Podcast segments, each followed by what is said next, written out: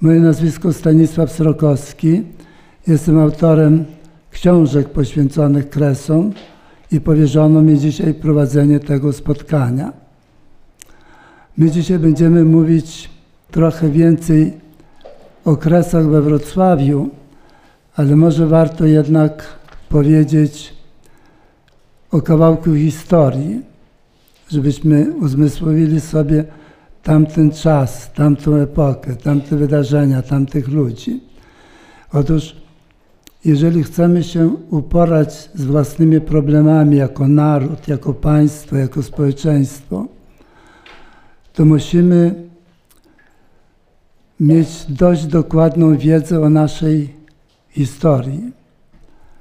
Dlatego, że wszelkie konflikty współczesne, wszelkie napięcia wewnątrz narodu, wszelkie zadrażnienia, różnego rodzaju niespełnione ambicje, agresja, wszystko się skądś bierze. I dlatego też warto uzmysłowić sobie, że czas współczesny nie jest odizolowany od historii, od tradycji, że my jesteśmy jak gdyby kontynuacją wielkich, często bardzo bulwersujących, trudnych, paraliżujących wydarzeń z historii. One nie zniknęły z naszej pamięci.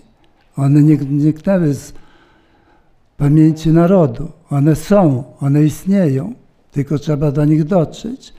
Jeżeli nie znamy historii, to wtedy się gubimy w rozpoznaniu rzeczywistości, tej naszej, współczesnej. Właściwie klucz do współczesności tkwi w historii. Jeżeli chcemy ją dobrze zrozumieć, to bez ogarnięcia potężnego, potężnej przestrzeni historycznej, sięgającej wielu setek lat, bez ogarnięcia tego ogromnego obszaru nie jesteśmy w stanie pojąć tego, co się dzisiaj z nami dzieje. Jakie są kresy, jakie one były, kto tam mieszka. Proszę Państwa, moglibyśmy tutaj odbyć kilka konferencji po, poświęconych temu zagadnieniu. Ja się skupię króciutko na II Rzeczpospolitej, bo w tym czasie dokonana została, właściwie po tym czasie, ale już w tym czasie ona się rozpoczęła, została dokonana zbrodnia ludobójstwa. Przypomnijmy sobie, jaka ta Rzeczpospolita była, ta druga. Jaka struktura ludności, jaka wielkość. Polska przedwojenna miała 35 milionów obywateli, w tym 12 milionów obywateli wywodzących się z innych kultur, z innych tradycji, czyli na 35 milionów obywateli Rzeczpospolitej 12 milionów to byli ludzie wywodzący się z innych religii, z innych obyczajów, z innych tradycji. Byliśmy jednym z nielicznych, a może jedynym państwem wtedy w Europie z tak wielką mniejszością narodową. 12 milionów. Ogarnięcie tego problemu przy pomocy władz państwowych, zarządzanie takim społeczeństwem, które jest tak bardzo zróżnicowanym, jest niezwykle skomplikowane i trudne. A jednak przez 20 lat II Rzeczypospolitej nie było szczególnych klęsk, szczególnych dramatów, szczególnych napięć, szczególnych no, zabójstw, mordów, szczególnego ludobójstwa. Tego nie było. To się zjawiło dopiero później. Więc mamy te 23 milionów rdzennych Polaków i 12 milionów wywodzących się z innych kultur. Mamy 5 milionów Rusinów, którzy powoli przekształcają się w Ukraińców. To jest proces długi, nie będę go omawiał, ale warto pamiętać. Mamy 3,5 miliona Żydów przed wojną. Mamy 2 miliony Białorusinów. Prawie milion, około 800 tysięcy Niemców, 200 tysięcy Rosjan, 150 tysięcy Litwinów, 38 tysięcy Czechów, 30 tysięcy Cyganów, 20 tysięcy Ormian i tak dalej, i tak dalej. proszę Państwa, taka struktura ludności, która mówi nam o tym, że nas przed wojną, nas tych innych, tych wywodzących się z innych związków kulturowych, których było 12 milionów, w sumie było 30 nacji przed wojną, 30 narodów, 20 religii, 20 religii i ponad 20 języków. I jak można w takim państwie, w takim narodzie, w takim społeczeństwie żyć i współpracować ze sobą? A jednak można było. A jednak można było. Do wojny, do 1939 roku właściwie nie można mówić o rzeziach, o mordach, o zbrodniach. Można mówić o terrorze, który panował, organizowany przez środowisko ukraińskie. Ale to jest odrębne zagadnienie. My się dzisiaj nim nie zajmujemy. My się zajmujemy ludobójstwem. Powiedzmy jeszcze coś więcej o Rzeczpospolitej Kresowej. To była kolebka kultury polskiej. Jeżeli Państwo zechcą, to ja wymienię najwybitniejsze nazwiska poetów, prozaików, historyków, kaplanów, inżynierów, artystów. To była śmietanka kultury polskiej. A więc Kresy z jednej strony to jest dramat, ale z drugiej strony to jest kultura wielka. Powiedziałbym cywilizacja. No przypomnijmy, przypomnijmy sobie, pozwolę sobie przynajmniej niektóre, żeby Państwu zobrazować.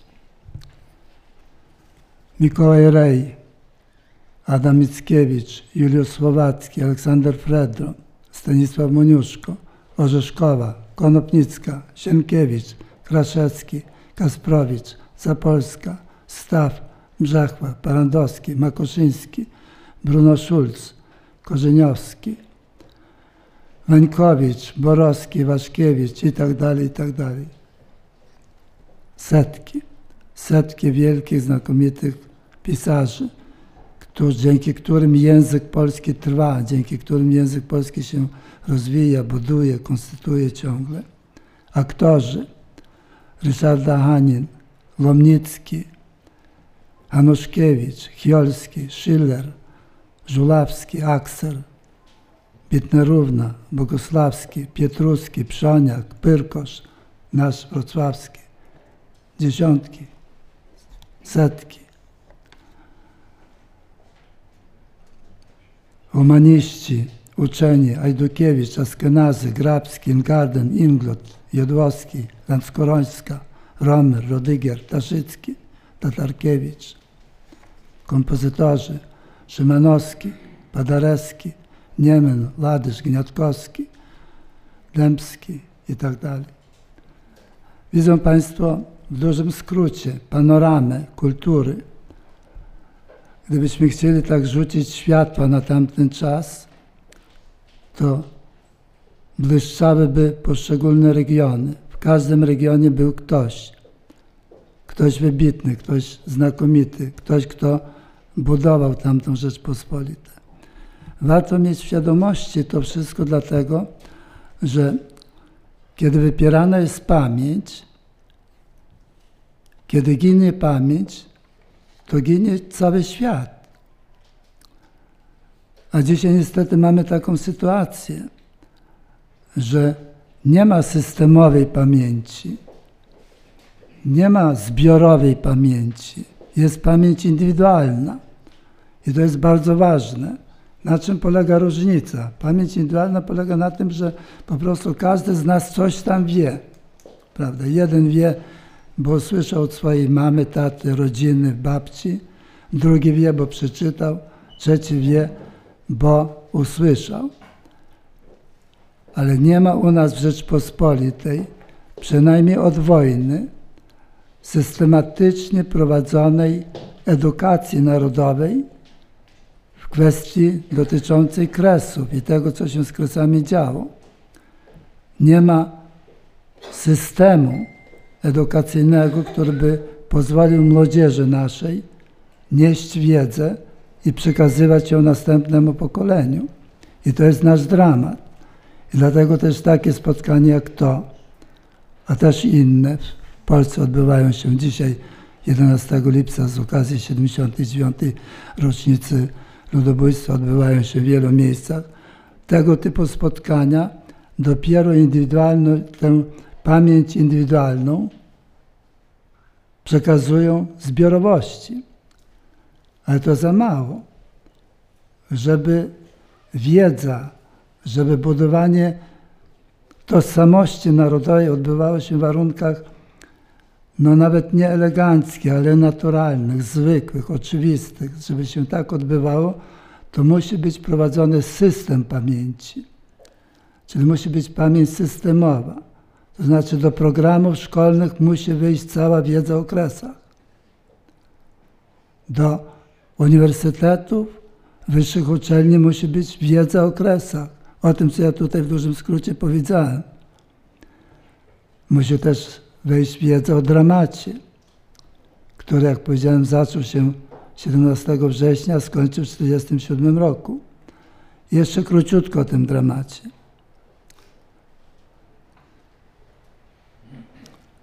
Cóż powiedzieć, żeby to było tak jasne i klarowne,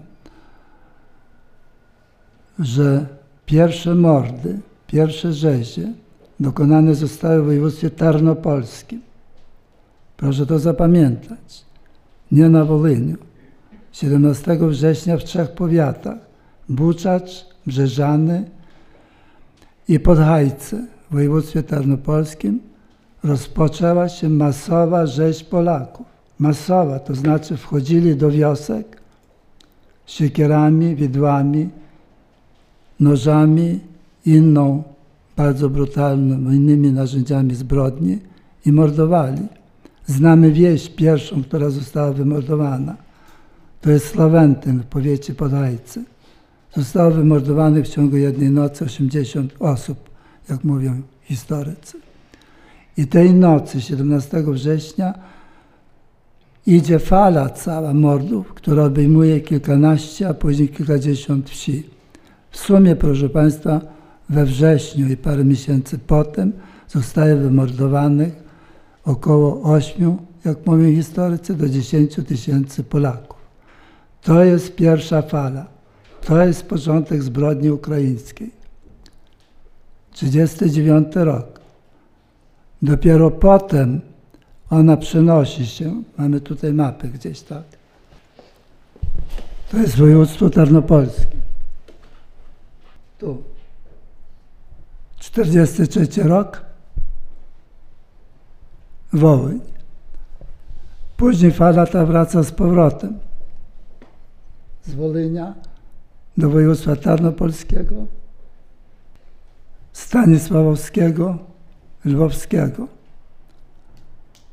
To jest 44, 47 rok. Tutaj koledzy być może nawiążą do tego i ewentualnie wprowadzą tam jeszcze te swoje uwagi. To jest początek tych zbrodni i to jest taka jak gdyby mapa. Ja napisałem taką książkę Wiedma Nocy. I to jest jedyna, o ile mi wiadomo w tej chwili, książka, która porządkuje historię, która bardzo dokładnie opowiada, co się stało 17 września właśnie w tej wsi Slawentyn, ale też Szumlany, Boków i innych. Zostaje wymordowanych kilkadziesiąt wiosek. Później jest Wolyń, 60 tysięcy ofiar. No i znowu Tarnopol, Lwów, Stanisławów. W sumie, jak twierdzą historycy, zostaje wymordowanych około 200 tysięcy Polaków. Ale nie tylko przecież Polacy byli mordowani. Byli mordowani Ormianie, Żydzi, Czesi i też inne narody. Także to był czas wielkiej tragedii. My przywołując tamtą pamięć, tamte wydarzenia, pragniemy zwrócić uwagę na coś innego.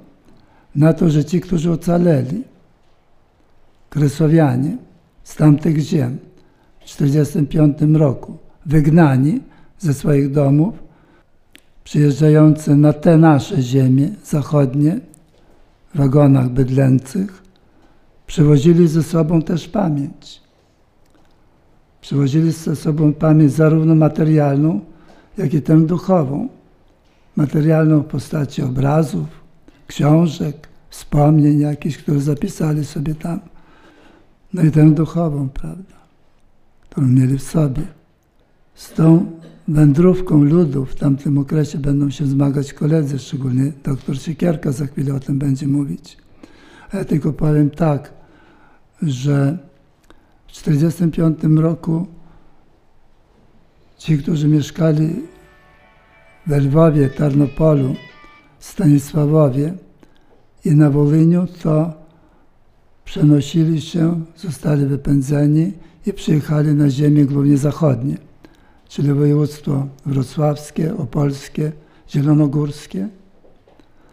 Natomiast północ, czyli ci, którzy mieszkali na północnych, w północnych województwach kresowych, a więc wileńskie, nowogródzkie, polskie, ponieważ Kresy zajmowały przed wojną osiem województw. Te północne województwa to szły na Toruń, na Bydgoszcz, na północ, tam na, nad morze. I trzeba powiedzieć bardzo wyraźnie, że Kresowianie mieli ogromny wpływ w odbudowaniu tej nowej rzeczywistości, bez względu na to, jaka ona była. Politycznie straszna, ale trzeba było żyć. I do Wrocławia przybywali głównie z Lwowa, z Tarnopola, Stanisławowa, w mniejszym stopniu z Wolynia. Jak to się odbywało, jakimi drogami? to za chwilę opowie pan doktor Siekierka, pan doktor Michał Siekierka. Ja tylko powiem we wstępie, że pierwszym rektorem Uniwersytetu Wrocławskiego i Politechniki Wrocławskiej był jeden z rektorów Politechniki Lwowskiej. 25% inteligencji z Lwowa, z Tarnopola znalazła się tutaj, około 25%. I to właśnie ta inteligencja odbudowała Wrocław. W mniejszym stopniu przybywali na tę ziemię z innych terenów, ale to o tym już nie ja będę mówić. Dziękuję Państwu za wysłuchanie tego mojego wstępu. Oddaję głos panu Michałowi Siekiercy. Bardzo proszę.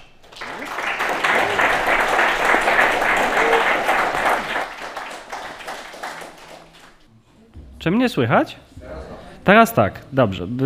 W takim razie dzień dobry, witam Państwa bardzo serdecznie na dzisiejszej konferencji. Ja się nazywam Michał Siekierka, jestem pracownikiem Instytutu Pamięci Narodowej, a prywatnie jestem wiceprzewodniczącym Stowarzyszenia Upamiętnienia Ofiar Zbrodni Ukraińskich Nacjonalistów, no, stowarzyszenia, które w tym roku ma swoją 30-lecie działalności, no i przez te lata zajmowało się zbieraniem e, świadectw e, od e, kresowian, którzy mieli to szczęście, że przeżyli i przyjechali tutaj na, nasze, ziemią, na naszą ziemię dolnośląską. Mm, woli uzupełnienia, ja oczywiście jestem przygotowany w temacie, o którym pan Stanisław Sokowski był uprzejmie napomknąć, czyli wysiedlenia ludności z Kresów do Wrocławia, ogólnie na Dolny Śląsk, na ziemię odzyskane, ale rzeczywiście um, warto by jeszcze, zanim rozpocznę tą, tą, tą część zasadniczą, dopowiedzieć w kwestii właśnie Wołynia i innych kresowych województw.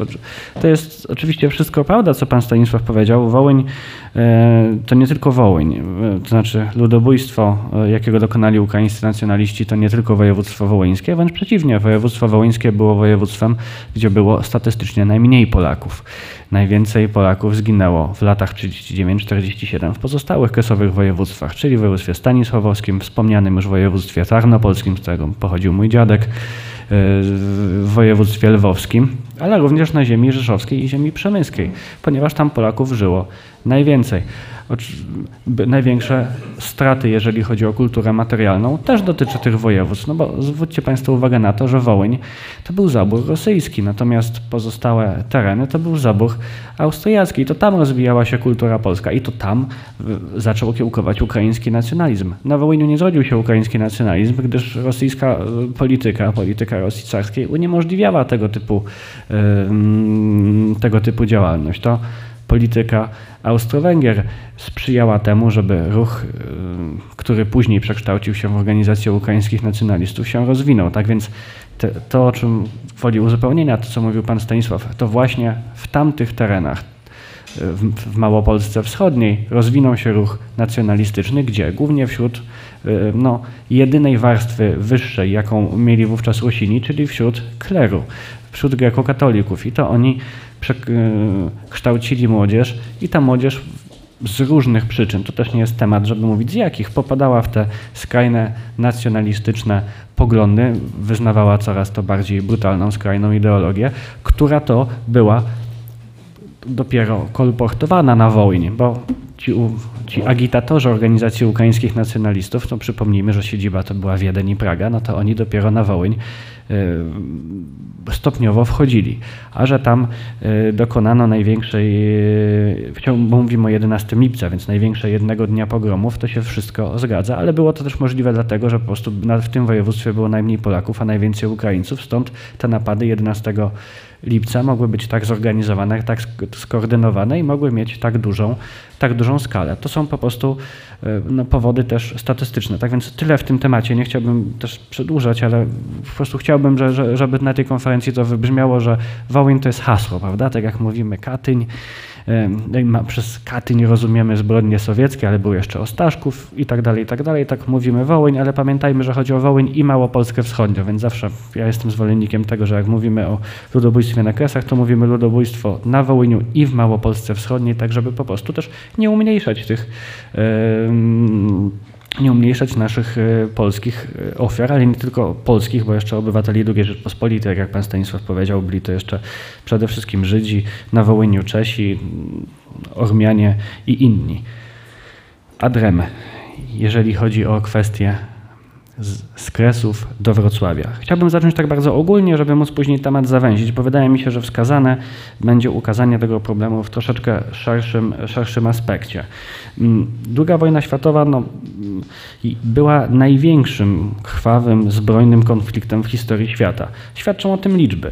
Uczestniczyło w tym konflikcie 110 milionów żołnierzy z 61 państw świata. To daje nam zawsze do myślenia, jak bardzo światowa była druga wojna światowa.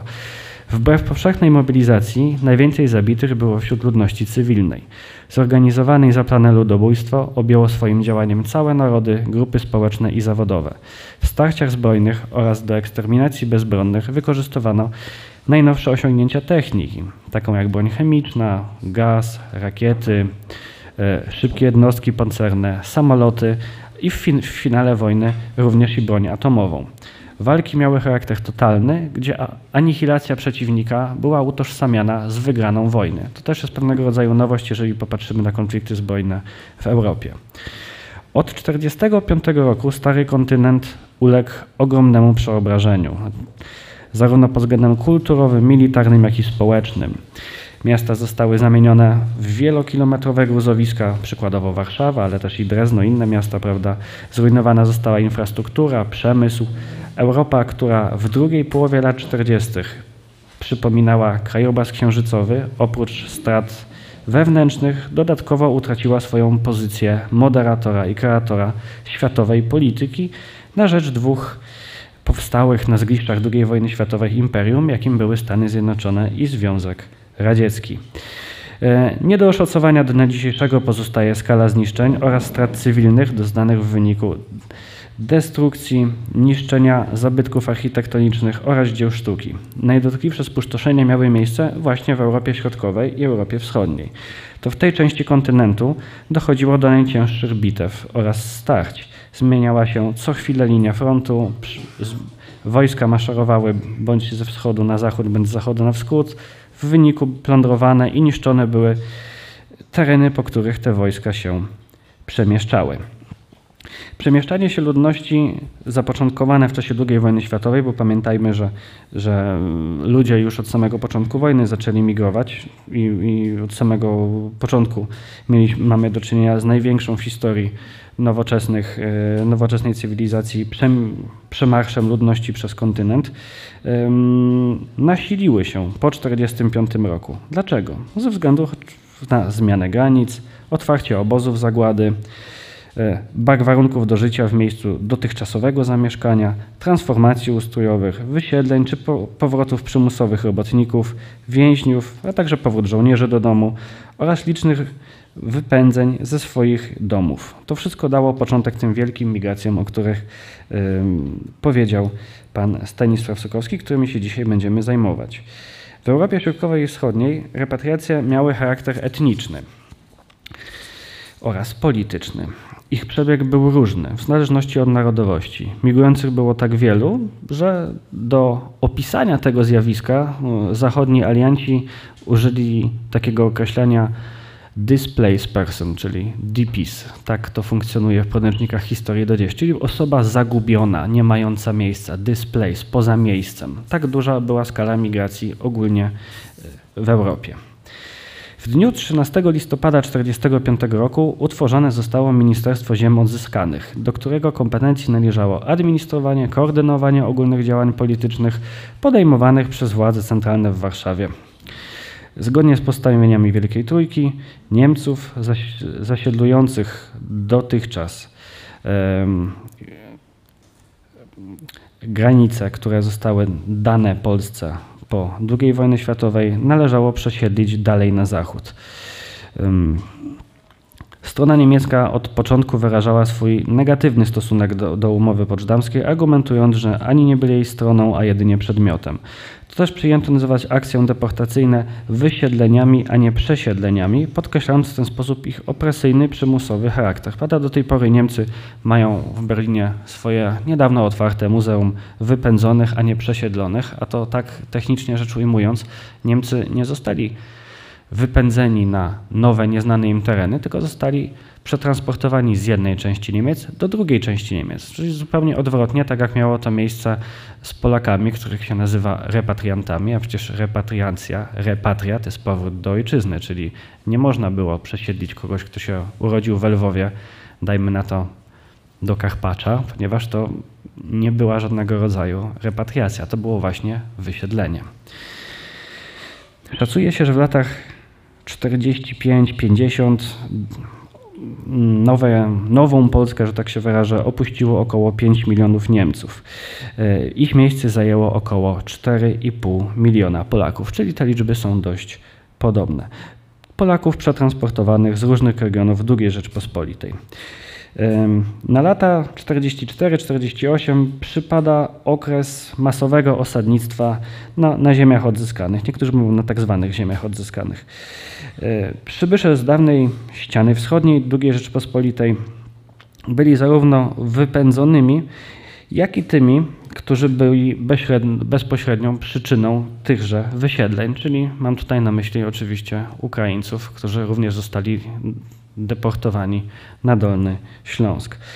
Należy wspomnieć, że żadna nacja nie była przygotowana na swój los, zarówno Niemcy, jak i Polacy, oraz nie uważały rozstrzygnięć podzamskich za trwałe i niezmienne. Teraz posłużę się pewnym cytatem. To jest relacja Stanisławy Sejnkowskiej y, do tego, jak, jakie ona, wspomnień, jakie zapisała po przybyciu, po przybyciu na Dolny Śląsk. Początek. Niemcy wieszali wszystko w koronach, y, w koronach drzew, nawet swoje rowery. W krzakach ukrywali motory, cały swój dobytek. Myśleli, tak jak my, że to tylko chwilowe zawieszenie, że niedługo wrócimy skąd przyszliśmy, a oni zostaną tutaj na swoim. A potem, kiedy powiedzieli nam, że Lwów już nie jest nasz, że mają go Rosjanie, a my tu mamy u Niemców zakładać rodziny, płakaliśmy. Taki, taki obraz tych, tych przesiedleń E, utrwalił się we wspomnieniach Stanis Stanisławy Sańkowskiej. Sytuacja Polaków. Sytuacja Polaków przybywających do wcielonych województw była inna niż deportowanych Niemców, o czym już wspomniałem.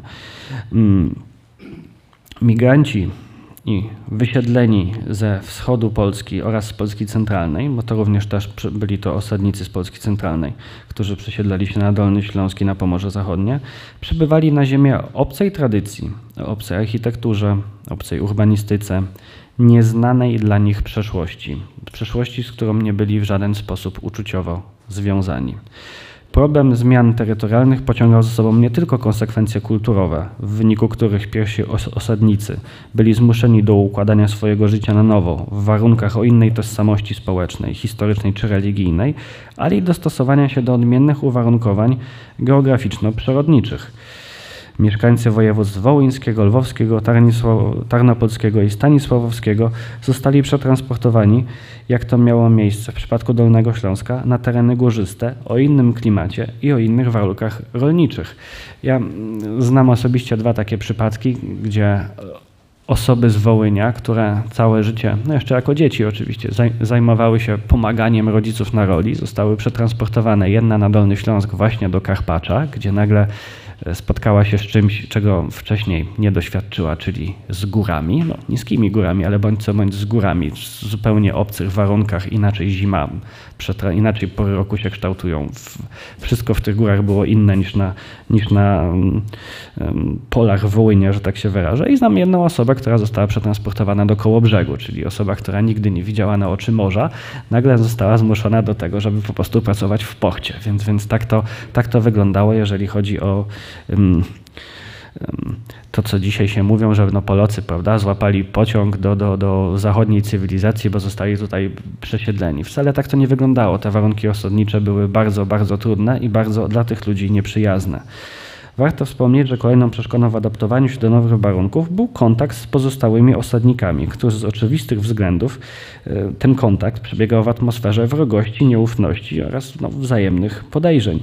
No, przykładowo powiem Państwu, że mm, Brat mojego dziadka został przesiedlony, to było w Dzierżoniowie, do jednego domu z rodziną niemiecką i mieszkali w tym domu bodajże półtora roku, ile mnie pamięć nie myli. No, żyli ze sobą względnie w przyjaźni, no ale prawda, no, to tak jakby do państwa ktoś nagle do domu został przymusowo wysiedlony i musiałby tam pozostać, prawda, to i państwo nie czuli się niekomfortowo i ci ludzie nie czuliby się i wszyscy czuli się niekomfortowo i jeszcze dodajmy do tego, no, że um, byliby to ludzie, którzy wytoczyli naszemu państwu w 1939 roku wojnę, więc zwróćmy, jak bardzo trudne były to relacje codzienne, prawda? No, trzeba było jakoś w nocy pójść spać, wiedząc, że gdzieś tam śpią ci Niemcy, no a ci Niemcy musieli pójść spać, wiedząc, że przyjechali tutaj ci Polacy i też nie wiedzieli, co się mają po nich e, spodziewać, czy być może będzie odwet, być może będzie zemsta i ci Polacy tak w takiej samej atmosferze wrogości funkcjonowali, że być może ci Niemcy ich zamordują i tak dalej, więc też trzeba na to zważać, a mało, mało o tym się powszechnie, powszechnie mówi. Mm, co więcej, przesiedleni Polacy pochodzili z różnych stron kresów. Odmiennych pod względem gospodarczych, cywilizacyjnym, kulturowym, a nawet językowym. No, to już to, o czym powiedzieliśmy, prawda? No, inna sytuacja była ludzi z Podłódzka, inna z Podhajec, a jeszcze inna, którzy urodzili się i mieszkali, czy też pracowali na Uniwersytecie w Lwowie, prawda? Więc to wrzucanie ich wszystkich byli byli to bardzo różni ludzie o bardzo różnych tradycjach, więc też, też trzeba na to zwrócić uwagę. Uniemożliwiało to zarówno integrację oraz zacieśnianie więzi wśród nowych osadników, jak i przyjęcia podstawowych wzorców kulturowych narzuconych przez Polskę Ludową. Przesiedlenia odbywały się, o czym już pan Stanisław wspomniał, w bardzo trudnych warunkach końca wojny oraz w pierwszych latach umacniania się władzy komunistycznej. Transport na przełomie lat 44 i 45 w większości odbywał się w, w tak zwanych węglarkach, czyli otwartych wagonach towarowych. Podróż była długa, nieprzyjemna, niejednokrotnie przebiegała bez informacji o miejscu docelowym, o trasie, o liczbie postojów czy czasu, w jakim ta podróż miała miała mieć miejsce. Też odwołam się do mojego, znaczy nie do mojego, ale do przykładu z mojej rodziny. Mój dziadek, który przyjechał do Strzelina w 1945 roku, no to jechał, jechał e, z województwa tarnopolskiego, ta podróż zajęła mu trzy tygodnie, więc, więc bo też pociąg stał zaopatrzenie było wtedy ważne. Pierwszeństwo mieli żołnierze, więc po prostu ten pociąg stał, brakowało maszynistów, brakowało ludzi do obsługi i tory były w wyniku działań wojennych zniszczone, więc po prostu ten transport był transportem bardzo katorżniczym. Zdarzało się, że pociągi zmieniały cel swojej podróży, konfiskowano pieniądze oraz dopuszczano się rewizji osobistych. Deportowani mogli ze sobą zabrać odzież, żywność, sprzęt domowego użytku, inwentarz gospodarczy, bydło i ptactwo. Zabronione było posiadanie pieniędzy powyżej 1000 rubli, metali, kamieni szlachetnych, mebli, samochodów, jeżeli ktoś miał, też były konfiskowane dzieł sztuki i co ważne, wszelkiego rodzaju zdjęć. Zawsze się wszyscy, jak mam okazję spotykać się z przedstawicielami mediów, jestem w stowarzyszeniu, wszyscy się pytają, czemu nie ma zdjęć z Wołynia, z Kresów, z tego regionu. No, z jednej strony odpowiedź jest oczywista, no kto wtedy miał robić zdjęcia? W roku 43-42, ale z drugiej strony to jest też fakt, o którym się mało mówi, te zdjęcia i te pamiątki rodzinne były po prostu w tych wagonach, jeżeli dochodziło do rewizji, bo nie zawsze dochodziło oczywiście, nie zawsze ten Rosjanin był tam na tyle trzeźwy, żeby tych ludzi skontrolować w tych wagonach czasami nie było takiej rewizji, ale gdy już była, to takie zdjęcia zabierano. Dlaczego zabierano? No dlatego, żeby nie wpadły one w zdjęcie aliantów, żeby nie mogli na ich podstawie oglądać, jakie tam są tereny, co było w tych miastach, jak to wyglądało. No po prostu było to, było to konfiskowane no ze względów, no użyjmy na to takiego słowa, ze względów strategicznych. Stąd tak mało mamy zdjęć po prostu z tamtego, e, z tamtego okresu. Nikt nie odpowiadał za bezpieczeństwo oraz dobytek pasażerów. Podróżujący musieli sami zabezpieczać się przed rabunkami oraz niekorzystnymi warunkami podogowymi. No, jak ktoś jedzie w lutym w otwartym wagonie, no to siłą rzeczy musi się w jakiś sposób przed tą pogodą zabezpieczyć. Oczywiście też dochodziło do rabunków i do grabieży, nad którymi nikt nie podołał. Na stacji końcowej osadnicy mieli czekać na dalszy transport do ich domów, jednak zdarzało się, że na przykład trzeba było czekać kilka dni, brakowało miejsca dla rodzin, albo kilka rodzin dostało nakaz osiedlenia się w tym samym domu, albo w domu, gdzie jeszcze mieszkali Niemcy. No to właśnie przykład z, z mojej własnej rodziny, o którym już Państwu wspomniałem. Mm, dominowało uczucie strachu i zagrożenia. Mm, prawie 1 trzecia powiatu Dolnego Śląska została zaminowana. To widzimy nawet w takiej no, wszystkim znanej komedii sami swojej, prawda, że, że były jeszcze miny na polu. Obawiano się marszu Czechów na Kłodzko, czy też na Jelenią Górę, albo niemieckiego odwetu i powrotu Niemców na te tereny. Wraz z końcem wojny nie, nie, nie ustały zniszczenia, których dopuszczali się czerwonoarmiści. Na przykład taka sytuacja miała w maju 1945 roku w Legnicy. Czerwonoarmiści podpalali i niszczyli e, kamienice. Demontowali też fabryki, wywożono wszelkie mienie do ZSRR, a później wywożono również przez władze komunistyczne wszelkie wartościowe rzeczy wywożono do Warszawy. Nie wiem, czy Państwo wiecie, ale marmur, który jest z Pałacu Kultury, całkowicie pochodzi z Pałaców Dolnego Śląska. On do dzisiaj jest, on pochodzi z pałaców niedaleko, niedaleko Barda. Hmm. Przepraszam? Z Kamieńca, tak. Dokładnie z Kamieńca. Problem stanowili również oczywiście szabrownicy. Dyskusja będzie później. Zgadza się. Zgadza się, dziękuję. Niepewność polityczna dzikiego zachodu, brak postanowień w przypadku nadania ma majątków czy nadzieję na, po na powrót na, na ziemię wschodnie utrzymywały się w niepewności przez bardzo długi, bardzo długi okres czasu. E, pamiętajmy, Szanowni Państwo, że problem granicy nie był, nie był rozwiązany od razu i dominowało takie przeświadczenie, że Polacy prędzej czy później stąd wrócą, albo że wrócą Niemcy i wtedy dopiero będzie problem, bo Polacy nie mieli dokąd wrócić. E, metafora zwycięstwa nad nad Niemcami na tych terenach dopełniała się przez symboliczne unicestwienie e, budowli, które były w swoim wymowie wrogie. Dotyczyło to zwłaszcza monumentów, które, które kojarzyły się z niemieckością, antypolskością, militaryzmem i z wielkością niemieckiego narodu. Przykład 45 rok we Wrocławiu zburzano pomnik Wilhelma I przy ulicy Świdnickiej, a w 56 roku miejsce Wilhelma III, stojącego niegdyś na miejskim rynku, został przywieziony posąg Aleksandra Fredry. To na sam koniec.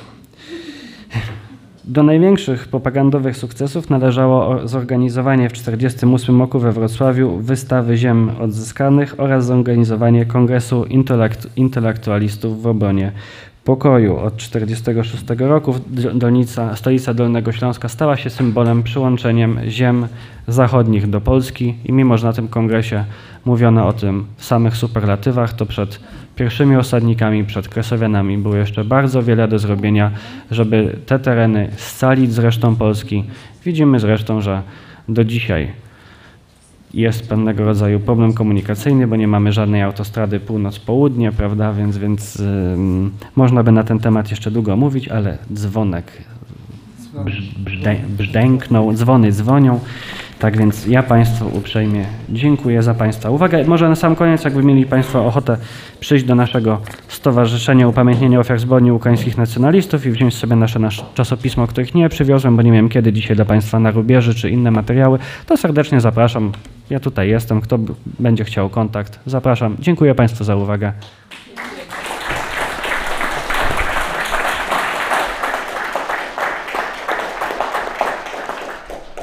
Dziękuję bardzo. E, proszę Państwa, jako następna wystąpi pani Halszka Bielecka, jedna z głównych organizatorek tego spotkania. Pani Halszko, bardzo dziękuję za to wspaniałe, mm, świetnie przygotowane spotkanie. E, tak. Pani Halszka będzie mówiła o dziejach o. Przypominam 15 minut i dzwonek. Dobrze, dziękuję bardzo. E, postaram się zmieścić w wyznaczonym mi czasie, e, ale skoro już tak zaczęliśmy, to przede wszystkim chciałam podziękować wszystkim organizatorom, którzy przyczynili się do tego, że dzisiaj możemy się tutaj spotkać. Od 9 rano już y, przedstawiciele y, organizacji, które biorą udział w, w tych obchodach y, dzielnie starają się upowszechniać tutaj te wiadomości i bardzo dziękuję przede wszystkim panu Stanisławowi Srokowskiemu z Narodowego Forum Kresowego. Fundacji Akademia Patriotów, Młodzieży Wszechpolskiej, Konfederacji Korony Polskiej, e, Stowarzyszeniu Pobudka, Towarzystwu Gimnastycznemu Sokół Wrocław, Stowarzyszeniu Koliber Wrocław, Ruchowi Narodowemu Wrocław, Stowarzyszeniu Narodowcy RP, Straży Marszu Niepodległości, Stowarzyszeniu Upamiętnienia Ofiar Zbrodni Ukraińskich Nacjonalistów we Wrocławiu. Bardzo serdecznie dziękuję.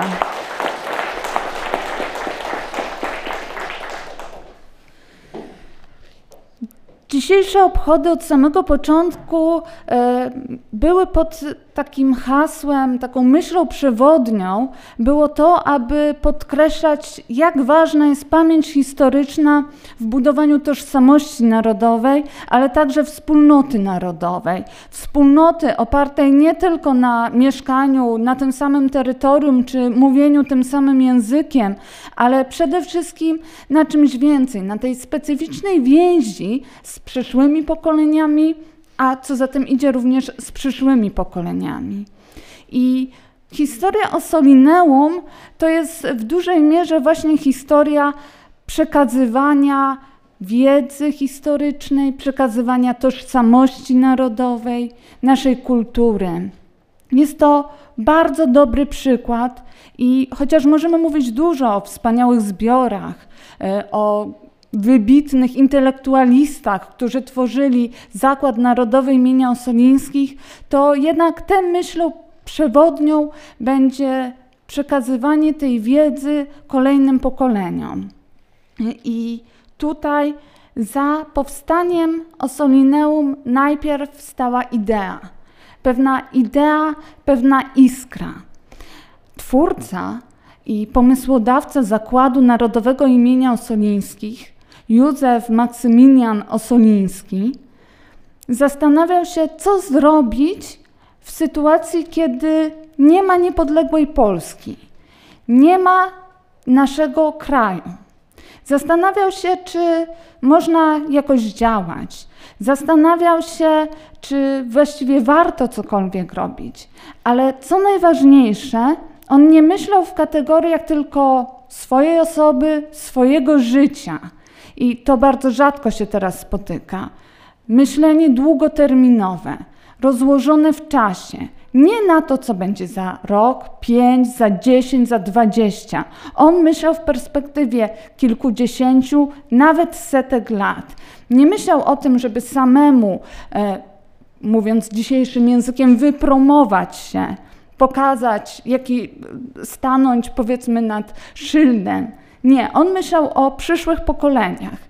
Całe życie poświęcił na zbieraniu pamiątek historycznych, na zbieraniu dzieł sztuki, a szczególnie książek. Był zapalonym bibliofilem, również był pisarzem. E, karierę mógł robić tak naprawdę w bardzo wielu dziedzinach. Ale on cały czas wychodził z tej myśli, że on nie jest właścicielem, nie jest gospodarzem tych wszystkich rzeczy, pamiątek, wiedzy nawet, którą zdobywa, on jest jedynie depozytariuszem. I z tą myślą mierzył się dość długo, ale w końcu zdecydował się, w jaki sposób najlepiej przekazać to wszystko, co zgromadził, nie tylko on, ale to wszystko, co zgromadziły poprzednie pokolenia, przekazać następnym.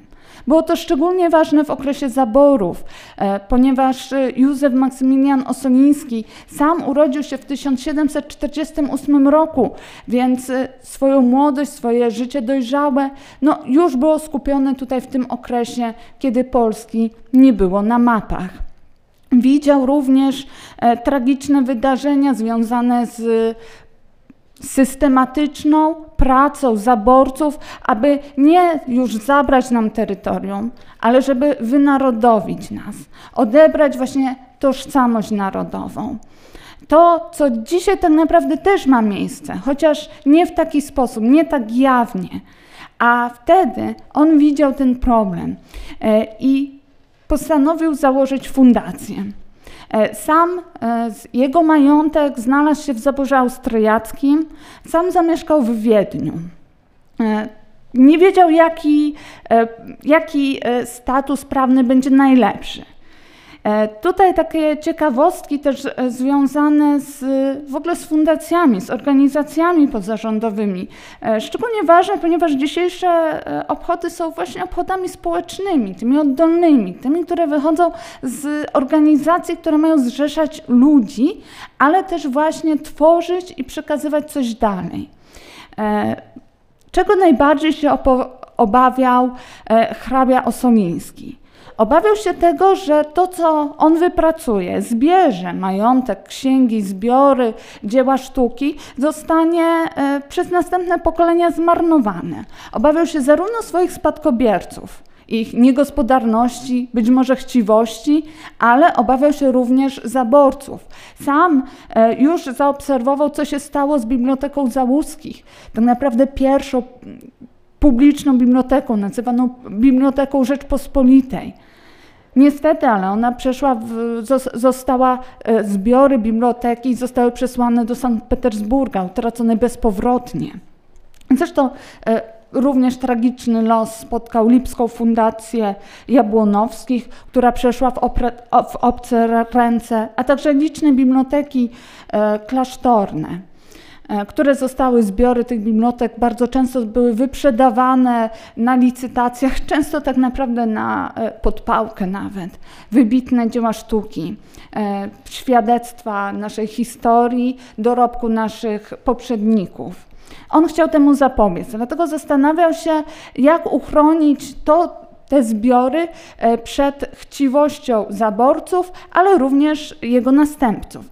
E, zdecydował się na założenie fundacji, fundacji, która miała prowadzić działalność publiczną, ale mimo wszystko pozostawać w rękach prywatnych i mieć tutaj ten status prywatny. E, w czasie zaborów mimo wszystko zaborcy respektowali własność prywatną. Wydaje się to dziwne, ale o ile coś było zajęli nasze ziemię. Jeżeli coś było państwowe, e, praktycznie od razu było wyprzedawane, e, było grabione. Natomiast mimo wszystko Osoliński zauważył pewną rzecz, że jeżeli coś było prywatne, e, to przy, jeżeli zostało zagrabione, to bardzo często z dobrym skutkiem udawało się to odzyskać właśnie jako własność prywatna. Dlatego zdecydował się na taki, na taki status swojej fundacji. Mm, uważał, że obowiązkiem każdego patrioty jest głosić chwałę przodków i w ten sposób e, zabezpieczył, zresztą bardzo skutecznie, bo e, tak naprawdę do końca II wojny światowej e, sposób, w jaki on bardzo szczegółowo zresztą rozpisał statut fundacji, e, gdzie e, rozpisywał dokładnie e, zadania pracowników, nawet pensje, wyznaczył kuratora literackiego, kuratora ekonomicznego, były to funkcje dziedziczne. Zabezpieczył bardzo dobrze fundację, dzięki temu ona przetrwała okres zaborów, okres I wojny światowej, okres międzywojnia, II wojny światowej, prawie komunę. prawie, ale do tego jeszcze dojdziemy. E, biblioteka miała być finansowana z dóbr dziedzicznych osonińskich. E, swój majątek od początku chciał przekazać na rzecz społeczeństwa, na rzecz rozwoju narodu. Ossoliński przewidywał również działalność naukową oraz wydawniczą. E, od samego początku chciał, aby nie były to tylko zbiory udostępniane publicznie, zabraniał e, co prawda wypożyczania zbiorów, tak w ramach anegdoty, ponieważ obawiał się kradzieży, e, a to dlatego, że sam bardzo często pozyskiwał dzieła właśnie w ten sposób. E, formalnie e, przesłał statut do e, cesarza Franciszka, ponieważ, jak powiedziałam, mieszkał w Wiedniu, to był zabór austriacki. I w 1817 roku został podpisany przywilej zatwierdzenia Fundacji Zakładu Narodowego imienia Osonińskich. Porozumiał się również z Henrykiem Lubomirskim, który objął patronatem fundację. Jest to bardzo istotne, ponieważ y, Henryk Lubomirski stał się też automatycznie e, pierwszym kuratorem literackim e, fundacji, a to oznacza, że był jej e, głównym zwierzchnikiem. E, i również e, zapewnił e, fundacji z jednej zapewnił fundacji również środki finansowe, a także swoje zbiory, właściwie jego syn później przekazał w postaci dzieł, które utworzyły Muzeum Lubomirskich, które również weszło w skład Zakładu Narodowego imienia Osonińskich. Osoniński zmarł w Wiedniu w 1826 roku. Mm, faktycznie e, otwarcie Osolineum nastąpiło rok później, w 27 roku w Lwowie. Początkowo Osoliński e, chciał, aby był to zamość, e, ale po kongresie wiedeńskim zamość przypadł Rosji, więc no, tutaj nie było takiej możliwości. W związku z tym kolejnym jego miejscem, gdzie uważał, że będzie najlepiej zdeponować ten zbiór, to było miasto stołeczne Galicji, Galicji, Lwów. E, jego zbiory e, miały miejsce w Wiedniu, e, znajdowały się w Wiedniu, zostały przewiezione do Lwowa. Sam również zapewnił lokal, wykupił budynki poklasztorne, w których mieściło się w późniejszych latach Osolineum. Dużą, du, dużą pracę tutaj przy otwarciu włożył właśnie Henryk Lubomirski. Ale Osolineum to przede wszystkim ludzie. Ludzie od tego momentu zaczęli je tworzyć. E, ludzie w pełni oddani swojej misji, e, którzy bardzo często od samego początku włączali się w działalność konspiracyjną. I za to zostali ukarani. E, z jednej strony szły za tym zesłania, E, ale też po wykryciu, kiedy policja austriacka trafiła na trop e, działalności konspiracyjnej pracowników Ossolineum, e, zamknęła czytelnię, opieczętowała drukarnię, cofnęła zgodę na wydawanie czasopisma. Dyrektor zakładu został skazany na 8 lat ciężkich, ciężkiego więzienia. E, również zakazano Solineum nabywania i kupowania zbiorów bez zgody Urzędu Cenzury, a tak właśnie się Osolineum bogaciło.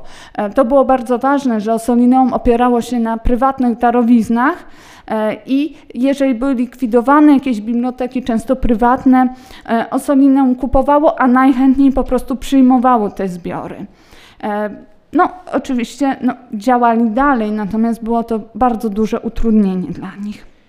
Instytucja od samego początku dbała przede wszystkim o tożsamość narodową, o wzmacnianie ducha narodowego w tych bardzo trudnych czasach, e, kiedy wiele osób się zaczynało poddawać, a także opiekowało się młodymi naukowcami, którzy nie mieli zupełnie żadnego wsparcia w żadnej innej instytucji. E, Ossolineum zaczęło odgrywać bardzo poważną i znaczącą rolę w, kulturalną w polskim środowisku Lwowa.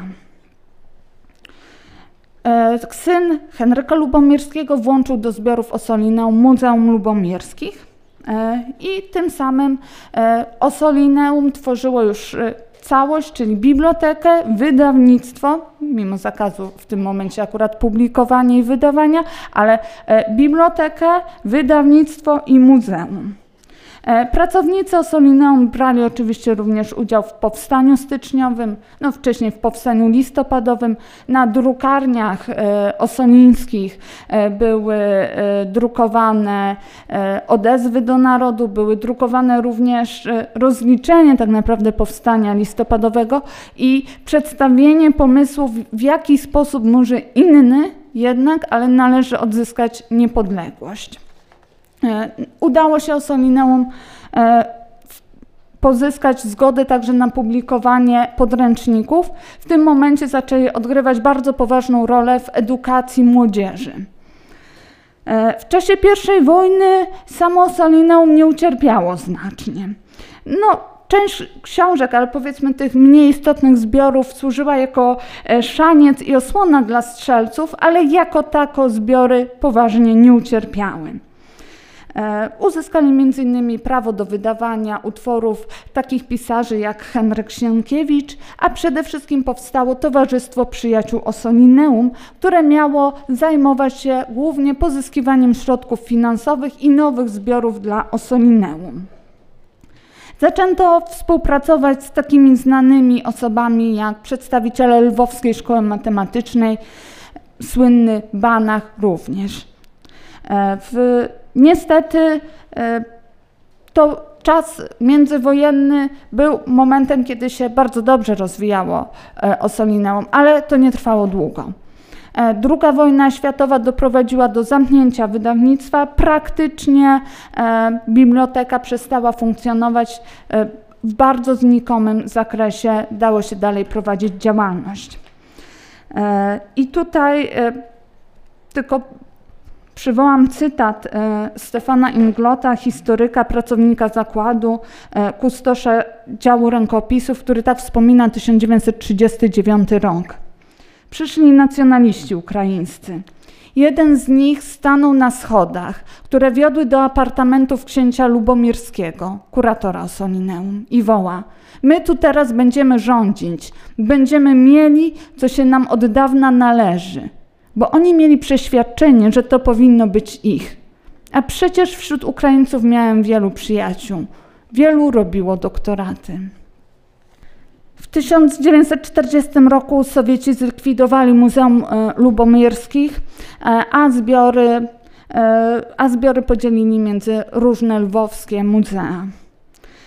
Bardzo ciemną kartą i bardzo trudnym momentem dla działalności Osolineum był mord lwowskich profesorów. E, w, Między innymi zaginął, do tej pory nie jest wyjaśnione w jaki sposób zginął, nie znamy szczegółów, e, ale e, Władysław Tadeusz Wisłocki, kustosz Zakładu Narodowego. Po nim jeszcze było wiele aresztowań, bardzo wielu pracowników i współpracowników przypłaciło życiem e, działalność kulturalną, działalność naukową. E, bardzo wielu trafiło do, do niemieckich obozów koncentracyjnych. E, listy i to konkretnie ze wspomnień pracowników, listy osób do aresztowania przekazywali Ukraińcy, między innymi właśnie dr Wisłocki w taki sposób został wyznaczony jako ofiara zbrodni. E, Osolineum cały czas próbowało przyjmować e, dary w postaci prywatnych bibliotek, ale było coraz trudniej. Musieli ukrywać to przed Ukraińcami. E, książki, książki wydawnictwa Osolineum służyły przede wszystkim jako podstawa tajnego nauczania. Większość, o, większość Osolińczyków działała w ruchu oporu.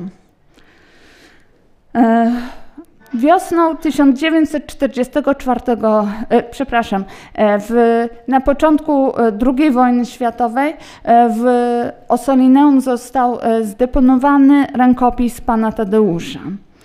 W 1944 roku Niemcy, którzy już zdawali sobie sprawę z tego, że będą musieli się ewakuować, chcieli część zbiorów, głównie niemieckich, przenieść do Krakowa E, i tam, żeby tam przetrwały okres tak naprawdę końca wojny. Mm. Nie wiadomo było do końca, jak to będzie wszystko wyglądać, i pracownicy Soliną podjęli trudną decyzję, aby mimo wszystko przede wszystkim ewakuować niewielkie, ale najcenniejsze zbiory. E, między innymi rękopis pana Tadeusza. E, Hitlerowcy wywieźli te skrzynie, ale nie do Krakowa, tylko na Dolny Śląsk. Na szczęście daleko nie dojechali i porzucili je w koło Złotoryi, obecnie w Zagrodnie. E, po latach, po, po dwóch latach E, skrzynie te szczęśliwie się odnalazły, aczkolwiek nie było wiadomo do końca, co w nich jest, ale było opieczętowane Osolineum e, i w 1945 roku e, władze przekazały je po prostu Osolineum, które już w tym momencie było przygotowywane do przeniesienia do Wrocławia. Pracownicy, którzy przeglądali skrzynie, bardzo się zdziwili, E, ponieważ znaleźli bezcenny rękopis pana Tadeusza. Wszystko wskazuje na to, że gdyby nie e, szczęśliwy zbieg okoliczności, zaginąłby bezpowrotnie. Dobrze, to kończę już. E, po wojnie tak naprawdę nastał najtrudniejszy czas dla Osolineum. Udało się pozyskać od Ukraińców, od strony ukraińskiej jedynie jedną trzecią przedwojennych zbiorów biblioteki i muzeum. E, nie udało się odtworzyć e, Muzeum Lubomirskich. E, biblioteka i wydawnictwo zostały przeniesione do Wrocławia. Tutaj bardzo naciskało środowisko naukowe, ponieważ bardzo obawiali się podzielenia zbiorów. Z drugiej strony chcieli, aby tu we Wrocławiu tworzyć ten ośrodek naukowy, ziemie zachodnie, wpajać tutaj to świadectwo byłych pokoleń to świadectwo naszych najlepszych czasów i osiągnięć. Mm. No, ni niestety głównym celem było jednak utrzymanie tego e, statusu fundacji, e, co się nie udało, ponieważ władze komunistyczne nie zgodziły się. E, I e, zresztą w, 50, w 1952 roku władze komunistyczne zlikwidowały wszystkie fundacje. E, tutaj akurat Osolineum zostało przejęte przez Polską Akademię Nauk.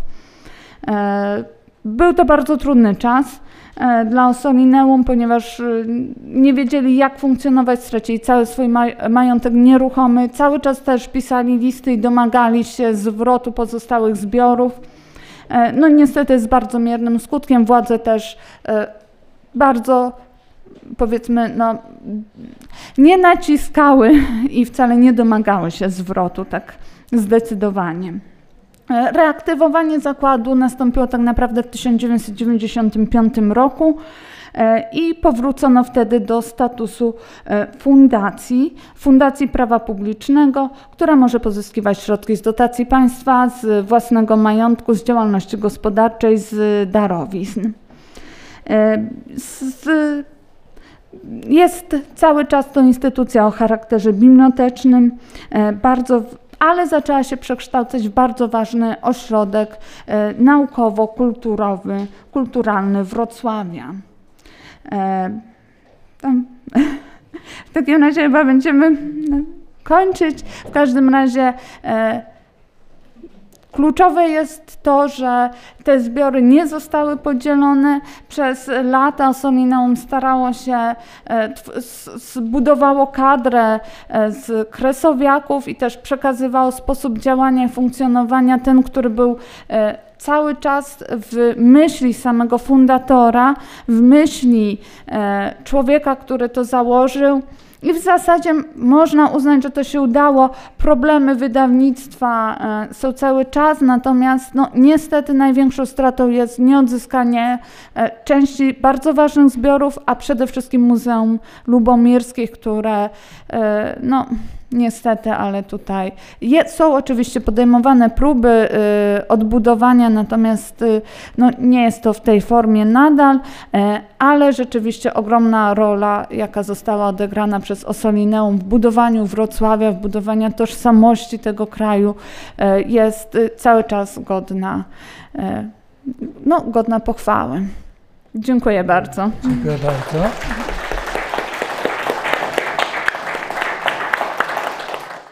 Dziękuję Pani Haszko.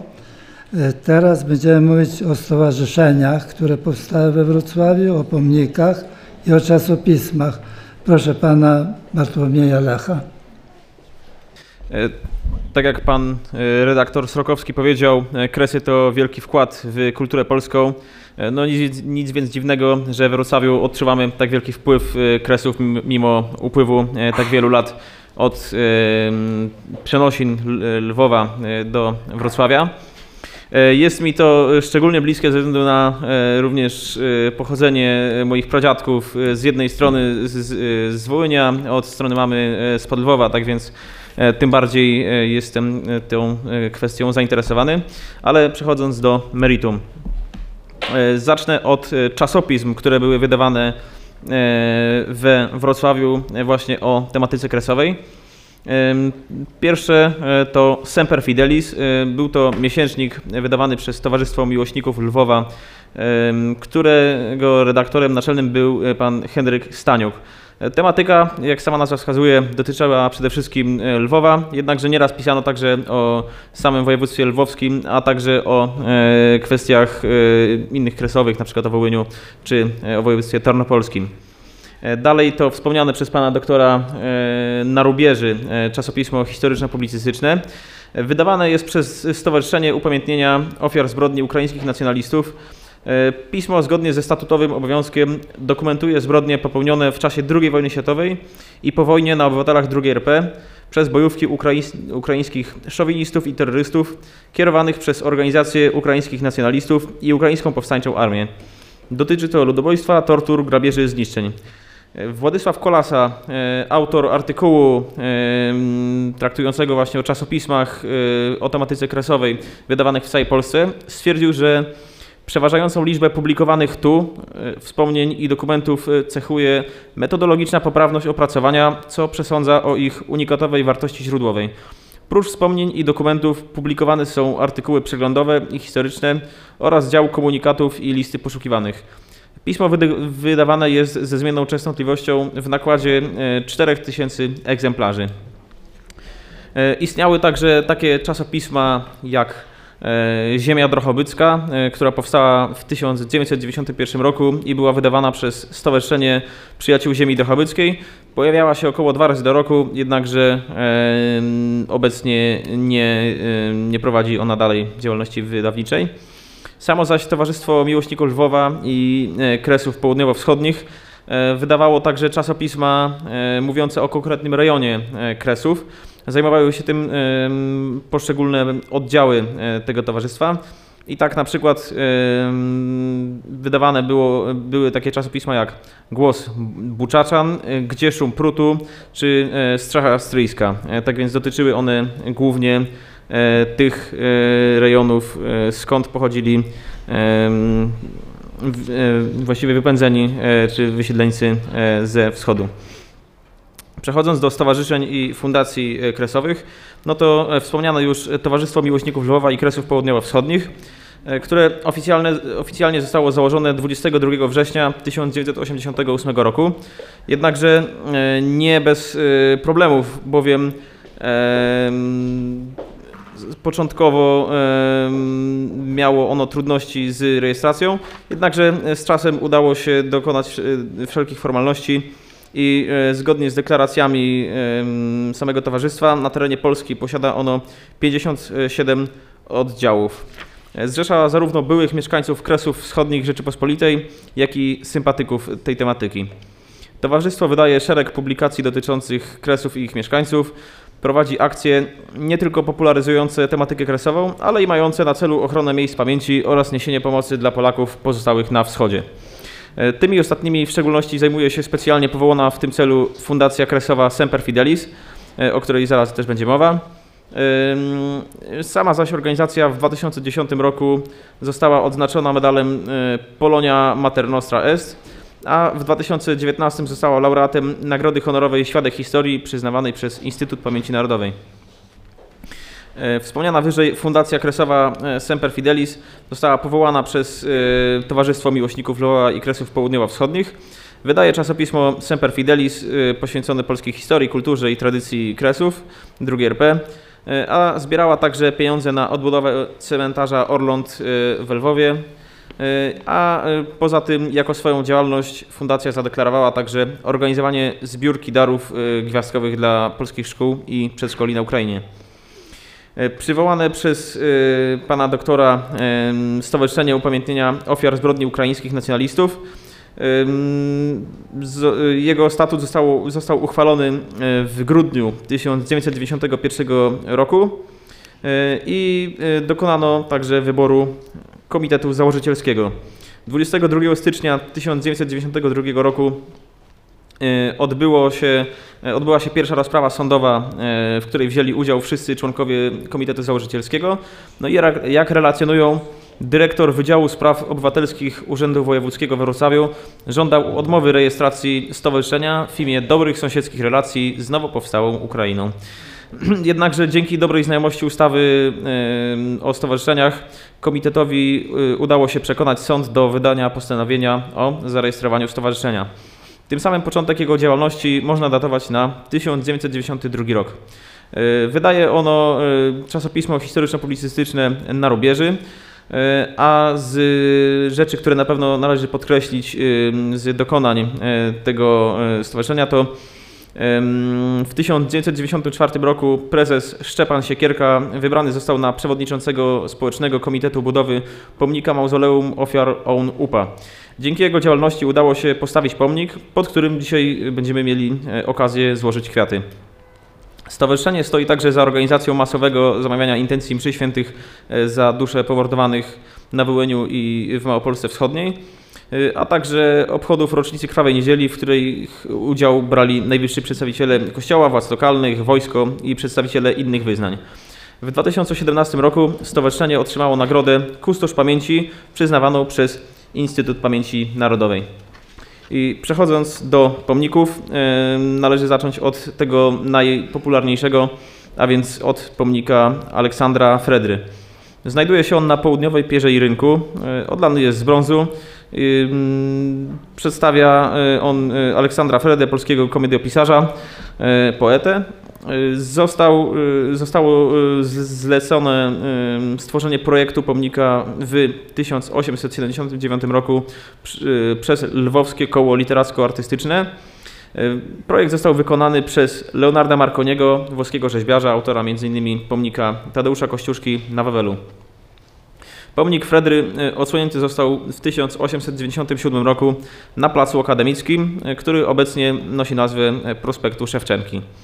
Tam też przebywał do 1946 roku, kiedy to został przewieziony do Warszawy, ze względu na to, że w 1944 roku Polski Komitet Wyzwolenia Narodowego podpisał umowę z Ukraińską Socjalistyczną Republiką Radziecką, na mocy której Polacy mogli wywieźć swoje pomniki narodowe na tereny, które po zakończeniu II wojny światowej miały e, pozostać lub stać się polskie.